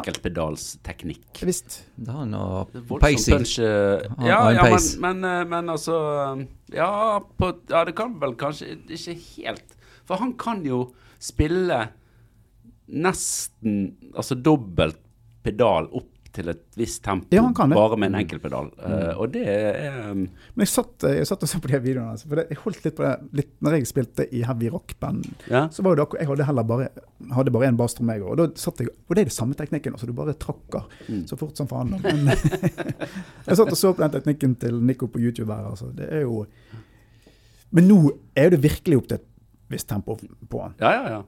Jeg så noen, eh, noen eh, sånt live-tek der. Altså, de, de, går, de begynner eh, i tempo, de låtene, men de faller Ja, sånn, ja. jækla- ja, ja. Mm. Men, eh, men jeg, jeg har, må jo også si at jeg har veldig sansen for at, eh, at en låt får lov å leve litt sånn eh, tempo- og Ja da, dynamikk-messig. Men det bør jo helst være en, en plan bak det, da. Det må ikke bare være dagsformen. Nei, jeg tror det er mer Ja. dagsformen enn nå. i ja, med tanke på Clive Burr En ting som jeg liker, uh, som jeg syns er litt sånn Når jeg tenker på han, så er jo det uh, gjerne introen på, på Run to the Hills. Som er sånn vill high-hat, Og, uh, og, og for så vidt i låten òg, så går det jo Det går og går i ganske sånn heseblesende gjør det. Ja. Og det har jeg liksom ikke hørt igjen så mange andre steder. eh. Nei, det er jo fullt disko. Hvorfor velger du å Ja, ja. Ja, disko på speed, på en måte, da. Uh, det har jeg ikke hørt igjen så mye av, uh, verken før eller etter, egentlig. Ja, det er jo jækla kult. Ja, nei, den er, den Det, er ja, det veldig liker gøy. jeg veldig godt. Jeg er jo veldig glad i sånn type gruver. Hvis du, kan- det, har du en, eh, si, en svak preferanse for en av disse to i, i Maiden? Ja, jeg, jeg, jeg er jo jeg er glad i begge to, jeg, altså, men jeg tror at Nick McBrain altså, For det, det er liksom det som er um, Han er så utrolig gjenkjennelig, da. Ja. Du hører med en gang at han spiller trommer. Mm. Og det, det liker jeg, altså. ja. Ja. Veldig bra. Men Clive Burr har jo den der eh, sinnssyke 16-delsgreiene med én hånd eh, som han gjør. Og, Ja, ja, ja. Som er veldig sånn eh, Ja, kon konsis og, Ja. og, og det. Kunne du tenke deg å vært uh, trommetekken til Nico McBrain? Nei, jeg kunne ikke. Eh, Har det med at han har en 100 trommer han skal Ja, det også, Spiller altså, på. men det, jeg tror det er noe drit å være uh, trommetek. Ja. ja. Men, det, de, men jeg, jeg en, jeg var på turné med Savoy, eh, så hadde vi en tysk eh, sånn trommetek. da. Og jeg, når jeg kom på den turneen, så hadde jeg vært ute og spilt med jeg husker ikke hva det var, Eggum eller. Jeg tror vi gjorde nesten 50 jobber med han. Og der gjorde jeg alt sjøl. Så kommer du på de greiene, så står det en fyr der. Så når jeg går av scenen etter eh, pre, uh, før konsertene, da, og skal begynne å rigge ned tingene mine, så bare en som tar meg i nakken og kaster meg vekk. Hei, du skal ikke gjøre noe her. Dette skal jeg sette opp, jeg skal pakke det ned. Bare sånn der, OK. Ja, men det var en hyggelig. Ja. Ja, ja. eh, Men trommetek, det, det tror jeg det er et jækla arbeid, altså. Ja da. Ja, da. Det, var, eh, jeg har bare det der å sitte på en måte um, Ja, for det er jo òg en ting eh, Altså Når man spiller trommer, så er det jo ofte greit å se innimellom kunne ha litt kontakt med de du spiller med. At de, når de det er sant, Vanligvis er vi vant til at de står foran, gjerne da uh, vendt bort ifra der man sitter og spiller trommer. Og synger og spiller og koser seg. Og så er det ikke nødvendigvis alltid like mye blikkontakt. Um, dere har jo løst det fint i evig tid for alltid at du sitter litt sånn sidelengs uh, Ja, vi er utrolig opptatt av å kunne se hverandre. Altså. Det, er bare, Ja. det er jo ikke bare sånn spillemessig, men det er sånn sosial bit. Det er jo den tiden vi har sammen, liksom. Ja. Kvalitetstid. Ja, ja, ja, ja. Ja, vi er det. Og der tenker jeg, der er jo Nico McBrain ganske ensom bak Ja, den her riggen sin. Ja, Trond er ganske ensom bak, bak der. Altså. Så, ja, og, men jeg tenker òg at uh, Selv om Bruce Dickinson er oppe hos han av og til. Ja, det er sant. Han er jo oppe og bak og litt sånn uh, der. Men, men eh, jeg tenker at resten av bandet De må jo bare henge med på det som Nico gjør der bak. For de får jo ikke på en måte gitt noe Nei. signal til han at eh, det nå er- må vi ta det litt ned eller litt opp. Eller, Nei, jeg vet da sånn hvordan de eller gjør begynner det. altså. du Er det nå du skal Ja. Men de har, vel, de har vel spilt så jækla mye at det Ja. er vel ikke noe For oss som spiller en gang i året, så er ikke det så, så enkelt. Nei, Vi- sant. vi må se hverandre. Jeg, jeg hørte om han der um, Travis, Travis Barker, han heter han trommisen i Blink eh, 182. Ja. At han har kun seg sjøl jævlig høyt i monitor. Ingenting av resten av bandet. Oi. Så han bare, han bare kjører sin greie, og så får bare resten av bandet følge, følge på. Det Men det er jo det fine med å spille trommer. da. Det er liksom, Du styrer jo ganske mye. Ja, det gjør det. Hvis, de, hvis, du, eh, hvis ikke de følger deg, så får de faen gjøre hva de vil. Skal vi, skal vi snakke Ja. litt om disse uh, trommisene til Priest, da? Det er jo, eh, jeg er jo veldig nysgjerrig på Ja, vi har jo vært, vi har jo Vi har- vært vi har- litt innom Simon Phillips. Litt så vidt. Ja, Så vidt innom. skal, vi- eh, skal vi, skal vi, skal vi ta det litt fra, fra toppen der? For jeg teller 1, 2, 3, 4, 5, 6 forskjellige trommiser i, eh, i ja, jeg kjenner ikke mer enn halvparten av de, altså. Ja, men da tar vi den, den halvparten. som- som jeg har hørt på. Ja. Men jeg, nå har ikke jeg eh, Ja. Så, så på, på John Hinch, han spiller jo kun på, på rock'n'roller. ja den, og den platen har jeg ingen forhold til. Nei, ok. Så Jeg har hørt på han, den, den, den Jeg vet ikke hva som er med den platen, jeg, altså, men Nei. Den, den uh, Nei. Nei. Nei, nei, Ja, men det er en ærlig Vi kan ikke tvinge folk til å høre rock'n'roll. Nei. Eller bortsett fra din nevø. Ja, han, eh, han Han har hørt det. der. Men det er litt artig med han Alan Moore. Han er jo han, Jeg bare leste at de, han som skulle skrive biografien med Judas Priest, han, han, han fikk ikke tak i han da. Nei. Han er bare han er vekke.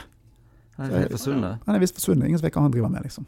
Mm. Eller han ikke vil være med, da. Jeg vet ikke hva som, er Jeg kjenner heller ikke til hva som, eh, Hva, hva som skjedde med han. skjedde Men, med men den uh, platen som han spiller på, den er jo en veldig flott plass. eh, altså Sad Wings of uh, Ja, det er en Destiny. fin plate. Det er en kjempefin plate. Er det, er det noe, eh, noe der med trommespillet som du, som du merker deg? Altså, det, Ja, men det er òg litt sånn løst, da. Som Ja. jeg liker. Ja. Det er litt sånn, sånn gammel heavy. ja. på en måte. Ja, hvis, hvis vi drar frem da tilfeldigvis Victim of Changes uh, Ja. der, da, så er det jo ganske Ja, der driver folk trommen er plass til å kose seg. Ja, men det er likevel sånn Det er, ikke, det, det er lett og fint, liksom. Det skjer mye ting, men det er ikke noe sånn uh, Det er ikke, det er ikke så enorm power, liksom. Det er Nei, sånn, nei da. Det, um, ja, jeg er enig. Veldig glad i det. Mm. Men så har du The Ripper òg, som er, som svinger som bare faen, altså. Mm, Ja. mm. Den er litt, eh, kanskje litt mer tight på, på trommene, men Ja den låten skal jo være tight Ja og, og, og, og streng. Mm. Jo da, men, men det er jo, der er jo trommene som på en måte definerer låten på sett og vis. Og Det, det, det kanskje, der er det ikke det like løst på samme måten. Der må det være litt sånn stramt for at låten skal henge i hop. Det, det er en, den, den, den sånn gyngende den der. Ja, ja, men det er jo liksom Ja, den ja. lyden nå, da. Altså, det er jo, men det er jo sånn det var på 70-tallet. Altså, det, Mm. det er mye lyd nå, syns jeg, som gjør at det eh, svinger sånn. Mm. Trange teipmaskiner. Og, Ja, ja, ja. Og, og, og trommer uten underskinn. Un, ja, uten energi. Veldig bra. Løst og fint, iallfall. Ja. Og eh, så Simon Phillips, han har jo vært uh, snakket litt, eh, litt om allerede. Så, men Ja, han er jo mye mer sånn presis, uh, syns jeg, da. Ja. Men veldig, og veldig dramatisk kan det være. da. Det går litt fint, syns jeg. Og, Men, men det blir allerede sånn det som vi i dag ville kanskje kalle for litt sånn flinkis-trommis, det blir det jo ikke på den platen, syns jeg. Det blir ikke preg av det. Nei, men det er Det er så Jeg, jeg syns jo litt Jeg er ikke flinkest, da. Ja, men det er ikke sånn at du hører at dette er en som er liksom leid inn for anledningen. Det, Nei, det er ikke det- det at nei det ikke låter Priest. Nei, det er Nei. helt. Det låter veldig Priest, syns jeg. Mm. Ja. Jeg syns han gjør bare sånn altså, bare, Hvorfor eh, forsvant han, liksom? På en Nei, ja, nei, han var ikke gammel nok. Skulle, skulle, skulle til Toto. Nei, han, han eh, altså, så har han de filsene som ofte de liksom begynner liksom før de ene- egentlig skal begynne, da. Mm, mm. Som er så jævla fint. Ja, Altså. ja, ja. Men nå har vi sagt at han var ganske ung da han spilte der, men var han allerede en litt sånn studiomusiker før han spilte? Jeg tror han har spilt på masse før det, altså. Ja. Er det noe sånn studiotype trommiser som ofte blir brukt fordi eh, de stiller opp når de skal og gjør det de skal? Eller er det litt sånn eh, Eller er det litt sånn Ja, nå skal vi ha Arne Frodis, for han har en sånn stil som passer til den platen her. Eller Det er jo noen som driver på sånn, da.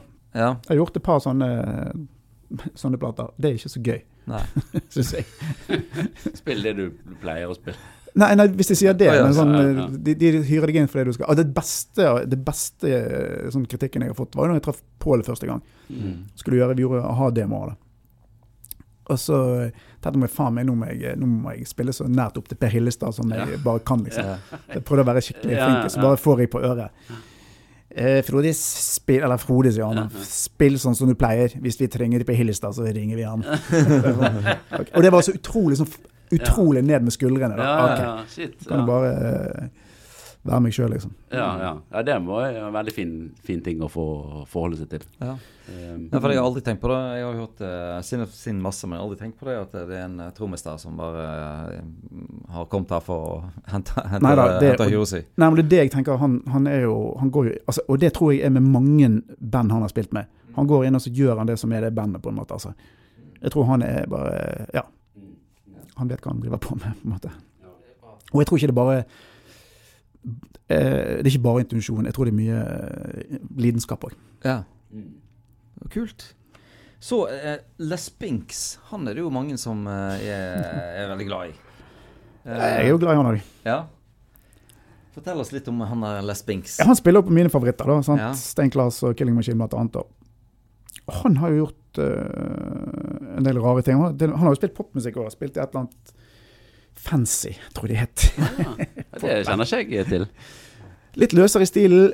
Og så har han de, altså han, han var en av de første som jeg Når han spilte doble basstrommer, så tenkte faen, det, det, det er jo kult med doble basstrommer. Ja. Mm. Siden Keith Moon, liksom. Han spilte jo doble basstrommer ikke sånn, men begge to samtidig.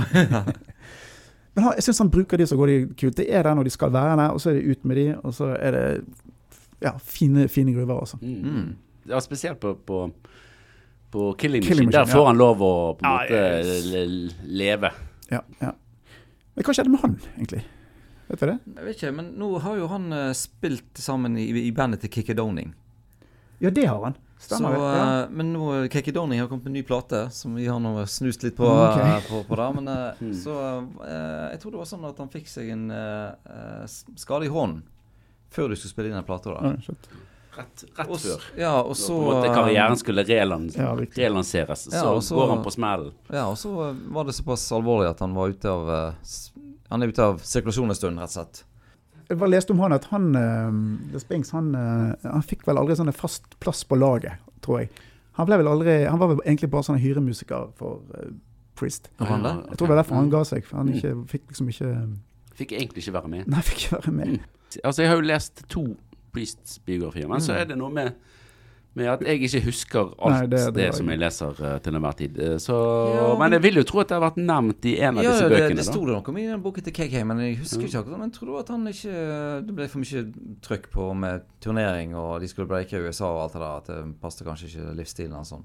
Mm. Men eh, det er mulig jeg tar feil. Ja, nei, jeg bare mener jeg har Nå håper jeg at lytterne kommer inn og sier Vet hva, Tarjei, nå må du skjerpe deg. Eller Frode. Men det er jo litt, altså, på Killing Machine er jo, det er jo litt sånn der, eh, i hvert fall sånn for meg, da, som holdt på med litt, eller hørt litt på sånn Mm. Det er litt sånn speedmetall der. eh, jo, men jeg skjønner jo Tidlig det. speedmetall. Ja, det er liksom, det er liksom på grensen. Ja, det er det, syns jeg. Ja, Jeg skjønner at de, de er De er på, ja, fremme i, i spydspissen på, Ja, ja. på hard musikk. Ja. Ja, men det er Altså, vi kommer jo tilbake til det at det er jo, det er jo en slags sånn eh, blueprint for heavy metal, og kanskje spesielt både ja, både Steinclass, men kanskje spesielt Killing Machine. Både med, Ja. med den lyden eh, på, på gitarene og, og trommespill og alt det der. Han lå liksom grunnlaget for både det som Maiden og, og andre har gjort eh, etterpå. Så, så sånn sett var jo eh, Les Binks uh, veldig, veldig viktig. for- ja, han var med på de platene som, ja, som uh, laget grunn for hvordan denne sjangeren uh, Mm. utvikle seg. da. Når vi snakket om episoden før vi skulle spille inn, så hadde vi noen dårlige vitser på at vi hadde, de hadde en trommis som «more», Moore, og så en som «less» Les etterpå. Ja.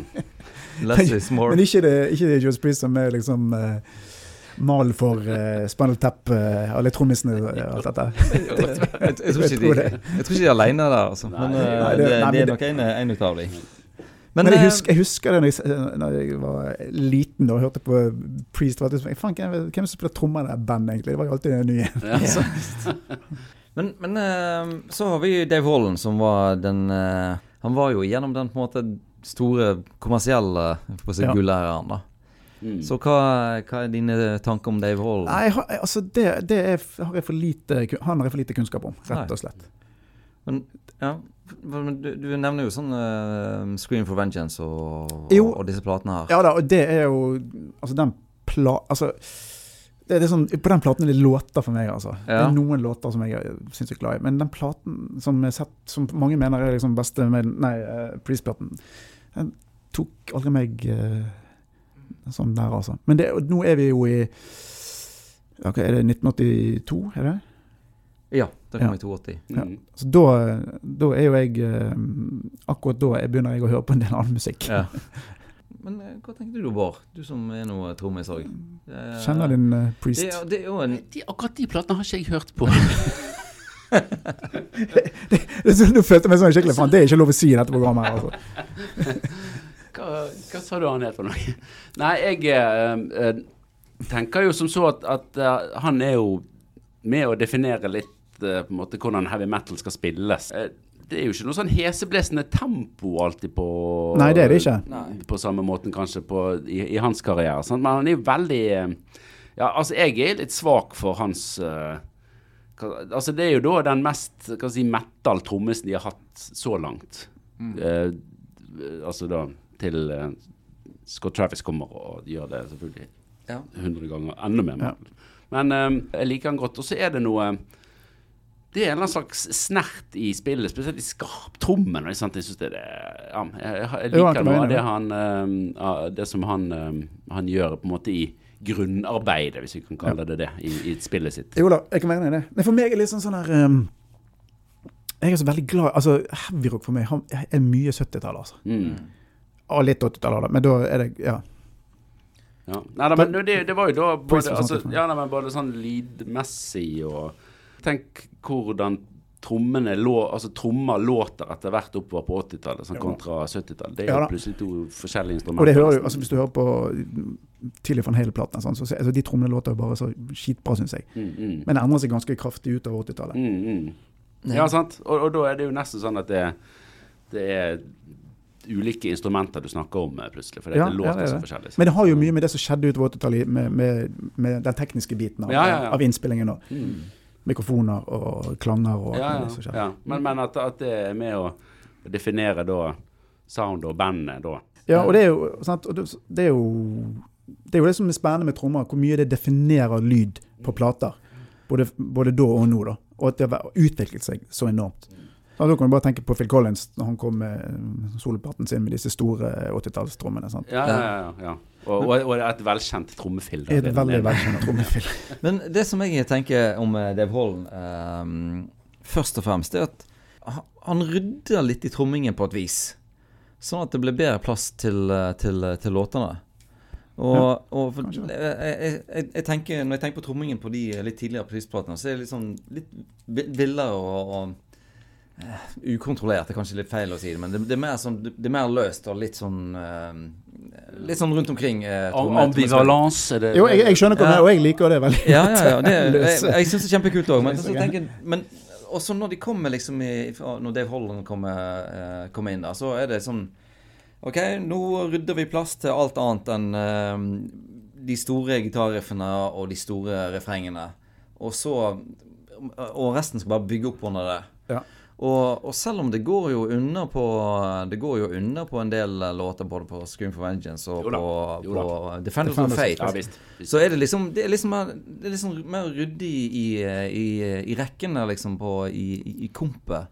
Som, Jo. som, som gjør at låtene blir på en måte skyvd litt Han, eh, blir jo litt mer Ja, litt, kli, litt mer klinisk på, på ett vis. Da. På et vis det, det er ikke så mye Det er til tider litt sånn kanskje forutsigbart, eh, men stødig, på en måte. Da. Så det Ja, er, veldig Ja, du er veldig stødig, da. Ja. Men det er kanskje det jeg, jeg mister litt da, med, Ja. med, med Priest, når de begynner å bli kliniske. mm. Mm. Det er ikke min greie, altså. Nei, nei.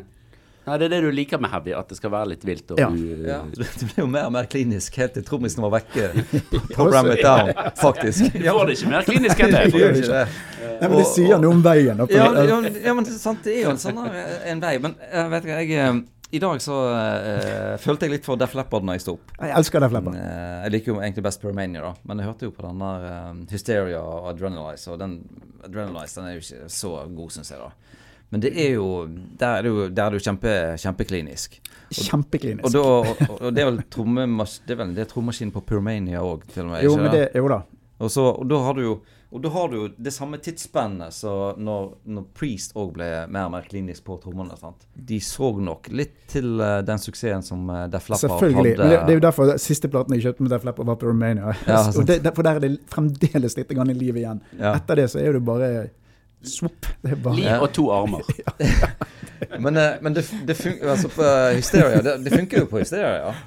Ja, ja, ja, ja da. Men, men det er helt klart at, at det, det er jo en, en trend i tiden sant? Med, med, med hvordan Ja, musikk og plater skal låte, sant? og hvordan trommer skal låte. Og, og, måte, ja. ja. Så, så, øh, og, og det der at alt skal bli så, så ryddig og, og lett å på en måte høre. Det er ikke så mye rusk igjen i verken heavy eller i Nei, og det, dette gjelder jo alle, kanskje alle sjangre. Ja, det På den- det. Ja, tiden. det gjelder alle sjangre. Mm. men, men jeg tenker også litt på det der at eh, de er jo eh, de er fra Birmingham, sant? og de ah. framhever stadig det der eh, maskineriet i disse her stålpressene og alt det. Det er på en måte det taktfaste maskineriet. Og det er på en måte det som er heavy metal. Og, og da er det jo liksom Da er det jo eh, Det, det, det, kan jo det, På den måten så kan du forklare at det blir mer og mer klinisk. Kan rettferdiggjøre det på Ja, sånn, for da, beveger du deg nærmere og nærmere inn til de der eh, jerngrytene og pressene og stemplene og, og egentlig den indu- industrielle lyden som de, som de hadde egentlig på Rabbit Jo. Down, når de eh, egentlig bytte ut de trommene der. At det, at det er et sånt slags Men, men jeg, tenker- heavy metal-uttrykk. jeg, jeg, jeg har nesten motsatt. Du går liksom fra working class til liksom eh, eh, det, det, er ikke, det, er ikke, det er liksom ikke de, det er ikke, de, det er ikke arbeidet lenger. Det er de der eh, datamaskinene da, på en måte for meg. Ja. Hvis du skjønner. Jeg, jeg, jeg skjønner. Jeg, Men, men og så sånn- prøver de å dra inn noe følelse da på Ramit da med å spille inn Johnny Be Good. Liksom sånn blues, det- rock, det er vel- eller da rock- sn- da- rock'n'roll. eh, Og da har de gjort ganske mange fine coverlåter. Ja. Men den er ikke fin. Ja, den Der går de litt i, Ja, vet du hva, i jeg, salaten. jeg var i utgangspunktet enig, men uh, jeg eh, har begynt å revurdere litt, litt min, eh, min, min take på uh, Du liker, uh, du liker eh, denne bedre enn originalen, du? Nei, det vil jeg ikke si, men jeg vil, jeg vil jo si det. Og det, dette er jo eh, egentlig generelt med pris. Det er at sånn der eh, Vet du hva? Nå safer vi ikke på den der eh, Johnny Be Good. Altså, vi kunne spilt den rett fram, og folk hadde elska det. og lagt på kanskje litt sånn turboaktig lyd og, og, og tidsriktige. Ja. Sant? Men vi, vi, vi gjør ikke det. Vi går Vi lager en helt ny Johnny Be Good. Uh, bære eller briste. og, og den gangen så, så, så, så, så brast det. Men jeg, jeg vil heller at uh, de, de, de går der at de har lyst til å si at dette får bære eller briste, og så brister det av og til. Mm. Enn at de på en måte hadde bare kjørt en rett fram-versjon av Johnny Be Good. Og, og derfor så uh, har jeg mer sansen for det nå faktisk enn når den kom. Jeg syns jo det der eh, refrenget er jo litt eh, tullete. og Sånn, eh, Ja, men jeg hørte på den, den kom på uh, Ekstra Spor på den CD-en. Jeg bare tenkte hva, hva, hva, Hvorfor gjorde de dette, liksom? Nei, men jeg skjønner, ja. Det, Ja, det- det- men, men er du inni en sånn uh, Skal ikke være stygg, altså, men det, dere er jo veldig Altså, jeg har kanskje litt mer sånn um, avholdent en forhold til dette. da. Ja. Sånn at jeg, jeg, jeg er ikke så stor fan som dere er. For det høres ut som det, liksom, det, er det nesten ingenting som er feil, på en måte. da. Nei, altså, det, men, men, Nei, det, ikke, selv, selv når det er feil, så er det på en måte litt rett. Greit. Ja, og, og, Ja, men det er jo sånn det er med favorittbandet sitt. Man prøver jo å finne en eller annen eh, ja, forklaring. Og, jo, men sånn, sånn er det med Sånn er det med alt her i livet, Frode. ja, det er helt sant. uh, det er jo faktisk sånn at- og sånn, Det som jeg underviser, og de tingene der fagstoffet der, sant. Går du inn i materien der, så sier jeg å ja, det her er jo idiotisk. Men så går du inn sånn her. Å ja, det der skjedde fordi at eh, sånn og sånn skjedde før, og det og det og det der skjedde etterpå. Og så var det noen ringvirkninger der bak. Å ja. Ja, OK, kanskje jeg skal sette litt pris på det som jeg trodde var Jo idiotisk. ja, ja. Så det, det, det er kanskje Det er mer det, er mer det enn at jeg er, er, er ukritisk. Men kanskje jeg kanskje, Jeg hadde bare så lyst til å spørre deg. leter, jeg leter kanskje bare litt ekstra etter, etter ting. Men, men Jeg syns det, er flott- jeg synes det er veldig flott. da. Ja, Det er nei, men- romantisk og flott. Ja, men men, men vi, vi, vi kommer nok til det punktet der vi må snakke litt om, om låter vi ikke liker like godt. Og, og det, er, det er noen av de eh, også. Men, men, Jo, det, men, men, det er ikke i dag. men, det, er så fint, at- skinner ute. det, det, det er så fint at du sier 'ikke liker like godt'. Ja. Ja. Men du, det er ikke sier ikke hater. Det gjør jeg ikke. Eller noen jeg ikke liker. Nei, nei, nei, vi må dette Vi må jo inn på noen sånne Hva er det vi ikke liker med Just Priest og Maiden? Vi må ha noen episoder som går på det også, og, og grave dypt i oss sjøl. Ja, ja. Og, og andre. Og andre. Så eh, det, det tror jeg er sant. Og, jeg, og, og litt sånn som deg, Frode, så Jeg har ikke klart å få så nært forhold til noen av de nyere Priest-greiene som jeg har til de, til de eldste. Selv om jeg har Nei. hørt eh, masse på dem, Nei, så, og det, så det merker jeg sliter det. jeg òg med. altså. Og det bringer oss også til eh, siste trommis eh, i Priest, som vi ikke har snakket om ennå. Scott Travis. Ja. Som er jo da uh, de facto den lengst eh, levende trommisen. Altså lengst Det vil si har vært lengst i bandet. Ja, det- Ja, det- det er i, i bandets historie. For da har jeg sluttet å høre på Priest for lenge siden. Og, det, og her er det jo da en litt annen tilnærming igjen enn det som Og, og definitivt en annen tilnærming enn det som du liker best, Frode. Ja. Det kan jo jeg eh, Det- jeg har jo hørt- røpe. Du har jo hørt noe. Jeg har hørt masse. Ja. Masse, ja. Ja. Det har jeg faktisk. Men, men jeg Det er noe med den der um, Altså, jeg sliter med det når, når jeg ikke får den samme følelsen, på en måte. da. Og det er jo, det er jo akkurat samme med altså, jeg- det er, Mitt favorittband er Genesis. Mm. Men jeg sliter jo med de eh, platene som kom ut etter uh, And Then There Were Three, liksom. Mm. Det er litt det samme sånn som jeg har det faktisk til uh, Altså mitt forhold til Scott Travis, og spesielt eh, da på Painkiller, altså hans første plate. Eh, for det som han gjør der, altså det er på en måte ikke Det er ikke ett eneste slag som ikke er heavy metal. Nei, og det gjelder jo lyden òg. Ja, og det, det er jo det, metall. Definitivt. Det låter jo sant? metall. Men, men, men det gir meg en veldig sånn god følelse, da. Ja. Eh, litt sånn som på samme måte som eh, kanskje deg og, og, og Phil Collins, faktisk. At det kan sammenlignes eh, lite grann. Eh, for, for det får jeg en sånn I tillegg til at jeg syns jo da eh, Altså låtene er, er, er veldig bra og alt det der. Så er det noe med hvis, Når vi kun snakker om trommespillet, så føler jeg at han når han gjør alt riktig, da, da, blir, da er det et eller annet sånn ekstra dimensjon for meg, da, når jeg hører på. Jo, det er jeg enig med deg i, men det er jo det som jeg tenker at det er alltid helt riktig. Det er litt er, Av og til det er, Jeg er veldig glad i altså Painkiller. er ikke noe- Jeg syns ikke det er noe dårlig plate. Altså. Det liksom Det var kanskje den siste platen jeg kjøpte. Men hva kom etter Painkiller? Da gikk jo det en stund uh, uten uh Det var jo den siste Rob Halford sang på, da. Ja, det er selvfølgelig, eh, ja. sånn, så det er helt naturlig. Ja, nei, da, da er det den siste helt platen jeg naturlig at du stopper der. eh, ja. Men det er sånn eh, altså, Da var jeg inne i, i litt sånn Da var jo jeg rocken, da var det rock'n'roll. Da var vi jo, det er jo nesten pompel dette. her, Sånn, så da, da var det jo Og da ble det, da ble det liksom perfekt for, uh, for meg, på en måte. Mm. For det er jo veldig Det er jo jævlig bra, men det er jævlig riktig òg, da. Det er litt, av og til litt for riktig for meg, på en måte. Ja. Men, Hvis du skjønner? Ja, ja, jeg skjønner- Men jeg tenker du at det, det, tenker du at det er litt sånn sjeløst, eh, kanskje? Ja, det, det har i hvert fall ikke gitt meg så mye som de andre tingene. da. Men det har jo helt sikkert med mange andre ting òg Mm. som skjer i livet ditt. Ja, ja det, er jo, det er jo det. Ja, og så må vi huske på at, at eh, nå er jo Priest kommet eh, dit hen i karrieren at de må posisjonere seg eh, da i forhold til trash metal og ting som blir mye mer eh, på en måte ekstremt. sant? Og jeg mener jo det, det er jo en av de store styrkene til denne platen, at den klarer å ta en del på en måte, elementer derfra som er liksom på en måte ekstreme låter, men likevel har ganske mye sånn mel melodi fra god gammel heavy inni Mm. der. Da. Og ikke minst selvfølgelig Rob Halford som synger eh, enormt bra og alt dette her. Og Ja, det masse gitarsolo og sånt. Og, ja. Så, men, men at de posisjonerer seg eh, eh, da i 1990 sant, mot Metallica, Mm. Megadeth altså alt dette her. da. Så, så, um, så det må, den må ses litt uh, opp mot hva som skjer uh, rundt. Og, og da syns jeg også at de liksom drar det veldig uh, smakfullt i land. Jo da. Men Maiden gikk jo aldri der, på en måte. Nei, de fortsatte jo da bare i sin Ja, de kom jo Sovereign, ja, det Mm. kom jo et par plater der med, med Blaze keyboard og Ja, et, men etter Ja, ja. etter det. Seven, Seven Son, sant, og så Men for jeg, jeg husker da jeg uh, hørte Matter of Life and Death første gang. Så fikk jeg sånn Wow, shit, dette er jo dette kan jo, Jeg kan jo høre på Maiden, liksom. Igjen. Jo da, men da er vi gått opp på Dark, så- Ja, ja, ja. Men da er vi kommet opp på 2010 Ja, det kom på 2000-tallet. tallet, er ikke vi det da? Jo, Nei, eller slutten av 2000-tallet. Uh, jo, vi Nei, vi er 2014-13, kanskje? Ja, Ja, ja. Sant? Ja.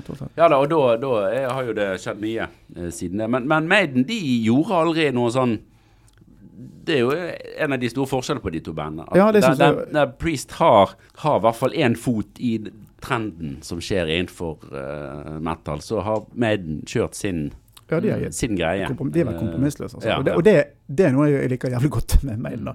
Og det er det jeg liker med mange andre, altså Bob Dylan eller Neil Young eller hvem faen det er. altså, De er kompromissløse. Det, det, Mm. jeg har, det er et eller annet med det som tiltaler meg enormt. Ja, ja. Og bare, uh, Men det, men det er jo liksom to toegget sverd eh, å være kompromissløs, for det er jo Det er jo litt sånn Ja, sånn er jeg, og sånn skal jeg være alltid. Og ja, okay, det trenger ikke være sånn, altså de, Det er jo et artister som har endret seg, men de er på egne premisser. på en måte. Ja. Hmm. uten å følge, altså Du trenger ikke følge trendene. Trenger ikke følge trendene, liksom. Mm, ja. Ja, nei, Men det var i er hvert fall ikke sånn at du hørte Painkiller i 1990 og kjøpte deg dobbeltpedal. Nei, det ikke. I 1990 var det, oppfattet jeg deg riktig, Frode. da var det slutten av Pompelende pils. Det var, det var, det var ikke, der var ikke mye dobbeltpedal. Det var jo det knapt nok trommer. Nei, det var ikke mye igjen av settet ditt på den tiden. Nei, da var det helt nedstrippet. Kubjelle og tamburin. Ja, kjempe, kjempe. Ja, ja. Men, okay, men, men det var jo egentlig en fin gjennomgang, eh, Ja. tenker jeg da. Dette var, dette var bra. Eh, men jeg, jeg hadde jo ett spørsmål som, jeg, som er litt sånn trommerelatert også. Um, hvilken bassist kunne du tenkt deg å spilt med? Oh. Eh, Steve Harris eller Ian Hill? Som trommis. Ikke da å, å spille Maiden-låter eller Priest-låter, men, men uh, hvem ville du hatt i, i bandet? Hvem ville du hatt ved din side? Ja. Det var, det var, det var ikke noe enkelt, altså. Shit. Jeg har ikke tenkt på engang. Nei, du får tenke nå, da. Yeah. Ja, De er jo veldig forskjellige, da. Ja, de altså, det er jo eh, Hill er jo litt sånn her eh, litt, Kanskje mer sånn som jeg spiller med, på en måte. Eh, Det er, det er, ikke, det er ikke så jævlig mye fingre. Det er mer eh, rock, rockebass. Så jeg ville kanskje funket best med han, da. Mm. Men det hadde vært jævlig gøy å spille band med Steve Harris. ja, det, det hadde jo det. kunne vi diskutert eh, Genesis i pausen. Det hadde vært fint. Oh, Ja, det, er- sant. covret litt eh, Genesis der på, Ja, på øving eh, Ja, der. altså. eh, ja. Ja. Mm. Men eh, skal vi eh, Vi kunne jo snakket i timevis til, Ja. men jeg vet ikke om vi skal, skal vi prøve å dra det litt uh, i land. Vi har jo, uh, vi har jo en sånn poeng, uh, poenggivning i disse podkastene. Ja, jeg. Så eh, jeg tenker jo at eh, eh, Jeg vet ikke om vi har snakket om det her, Bård, men kanskje den det bandet som har den beste trommisen, får poenget. Er vel uh... ja, det, det må vel kanskje være sånn, og da- da må Frode avgjøre rett og slett uh, hvem som Ja, og det er så kjipt. Uh, Ja. Hvilke band som har da eh, best trommiser til sammen, må vi jo kanskje kunne si da. eh, Ja, vi det, si at, eller, vi kan eh, ikke si hvem som er best trommis nå, for da Nei, det blir for nei, vi må, enkelt. vi må si uh, av, av alle de Jeg tenker vi legger på bordet Clive Burr, Nick McBrain Jeg skal plukke én, liksom. eh, Ja Ja Ehm, Tja Hmm. Hva hadde du tenkt, jeg, satt uh, på veien inn her og tenkte faen, det, det spørsmålet visste jeg kom, og jeg er bare så jævla dårlig på sånne Altså bare plukke topp tre-låter er jo et mareritt. Og det- er litt sånn urettferdig på en måte, da, mot de. Men, uh, men Ja, det er urettferdig mot deg sjøl også. Ja, det, det er det faktisk. Men det som er greiene, er jo at uh, Nico er jo en Altså, han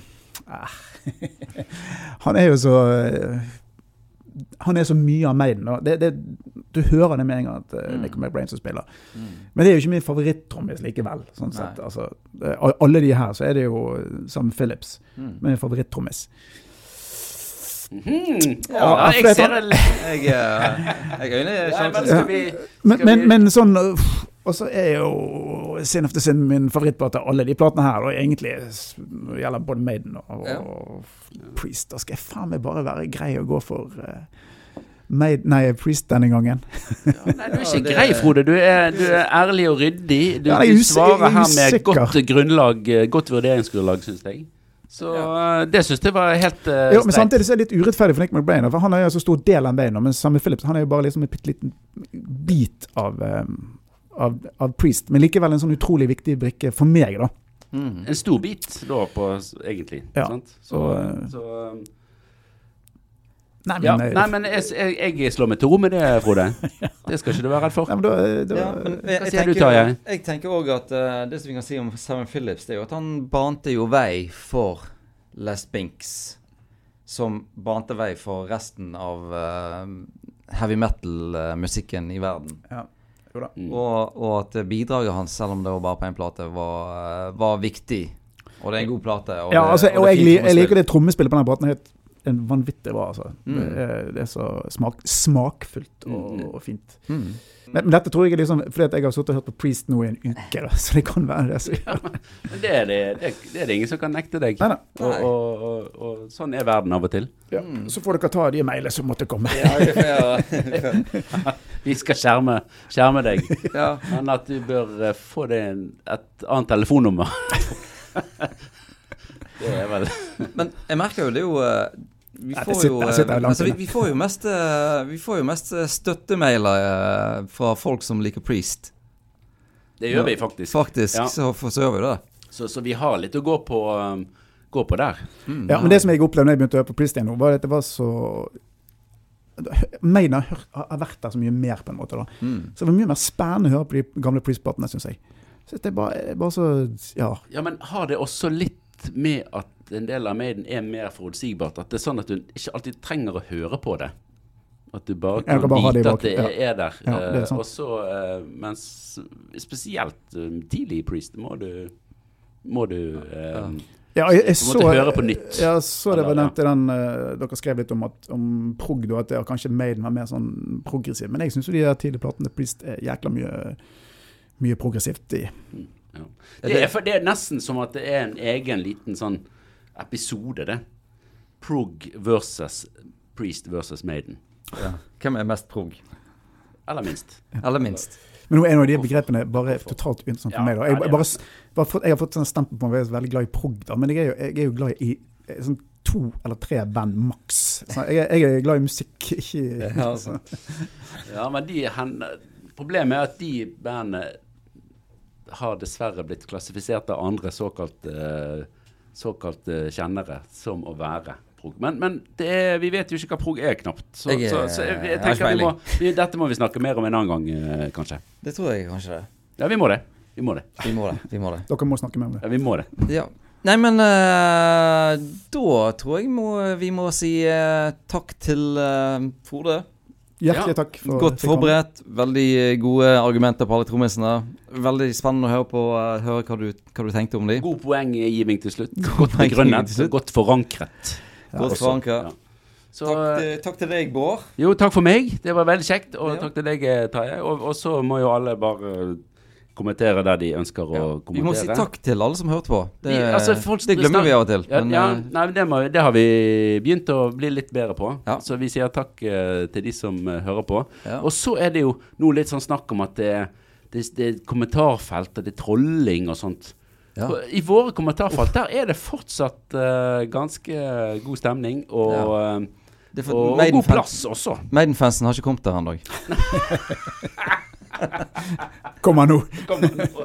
nå kommer de. Men uh, Bård, har ikke vi en, eh, en uh, spennende nyhet å fortelle til uh, våre lyttere?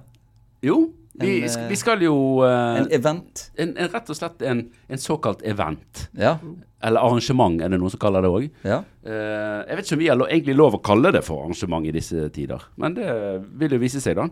Men Ja. vi skal i hvert fall avslutte årets uh, sesong, uh, podkastsesong, Priest versus Maiden-sesong, eh, på Apollon.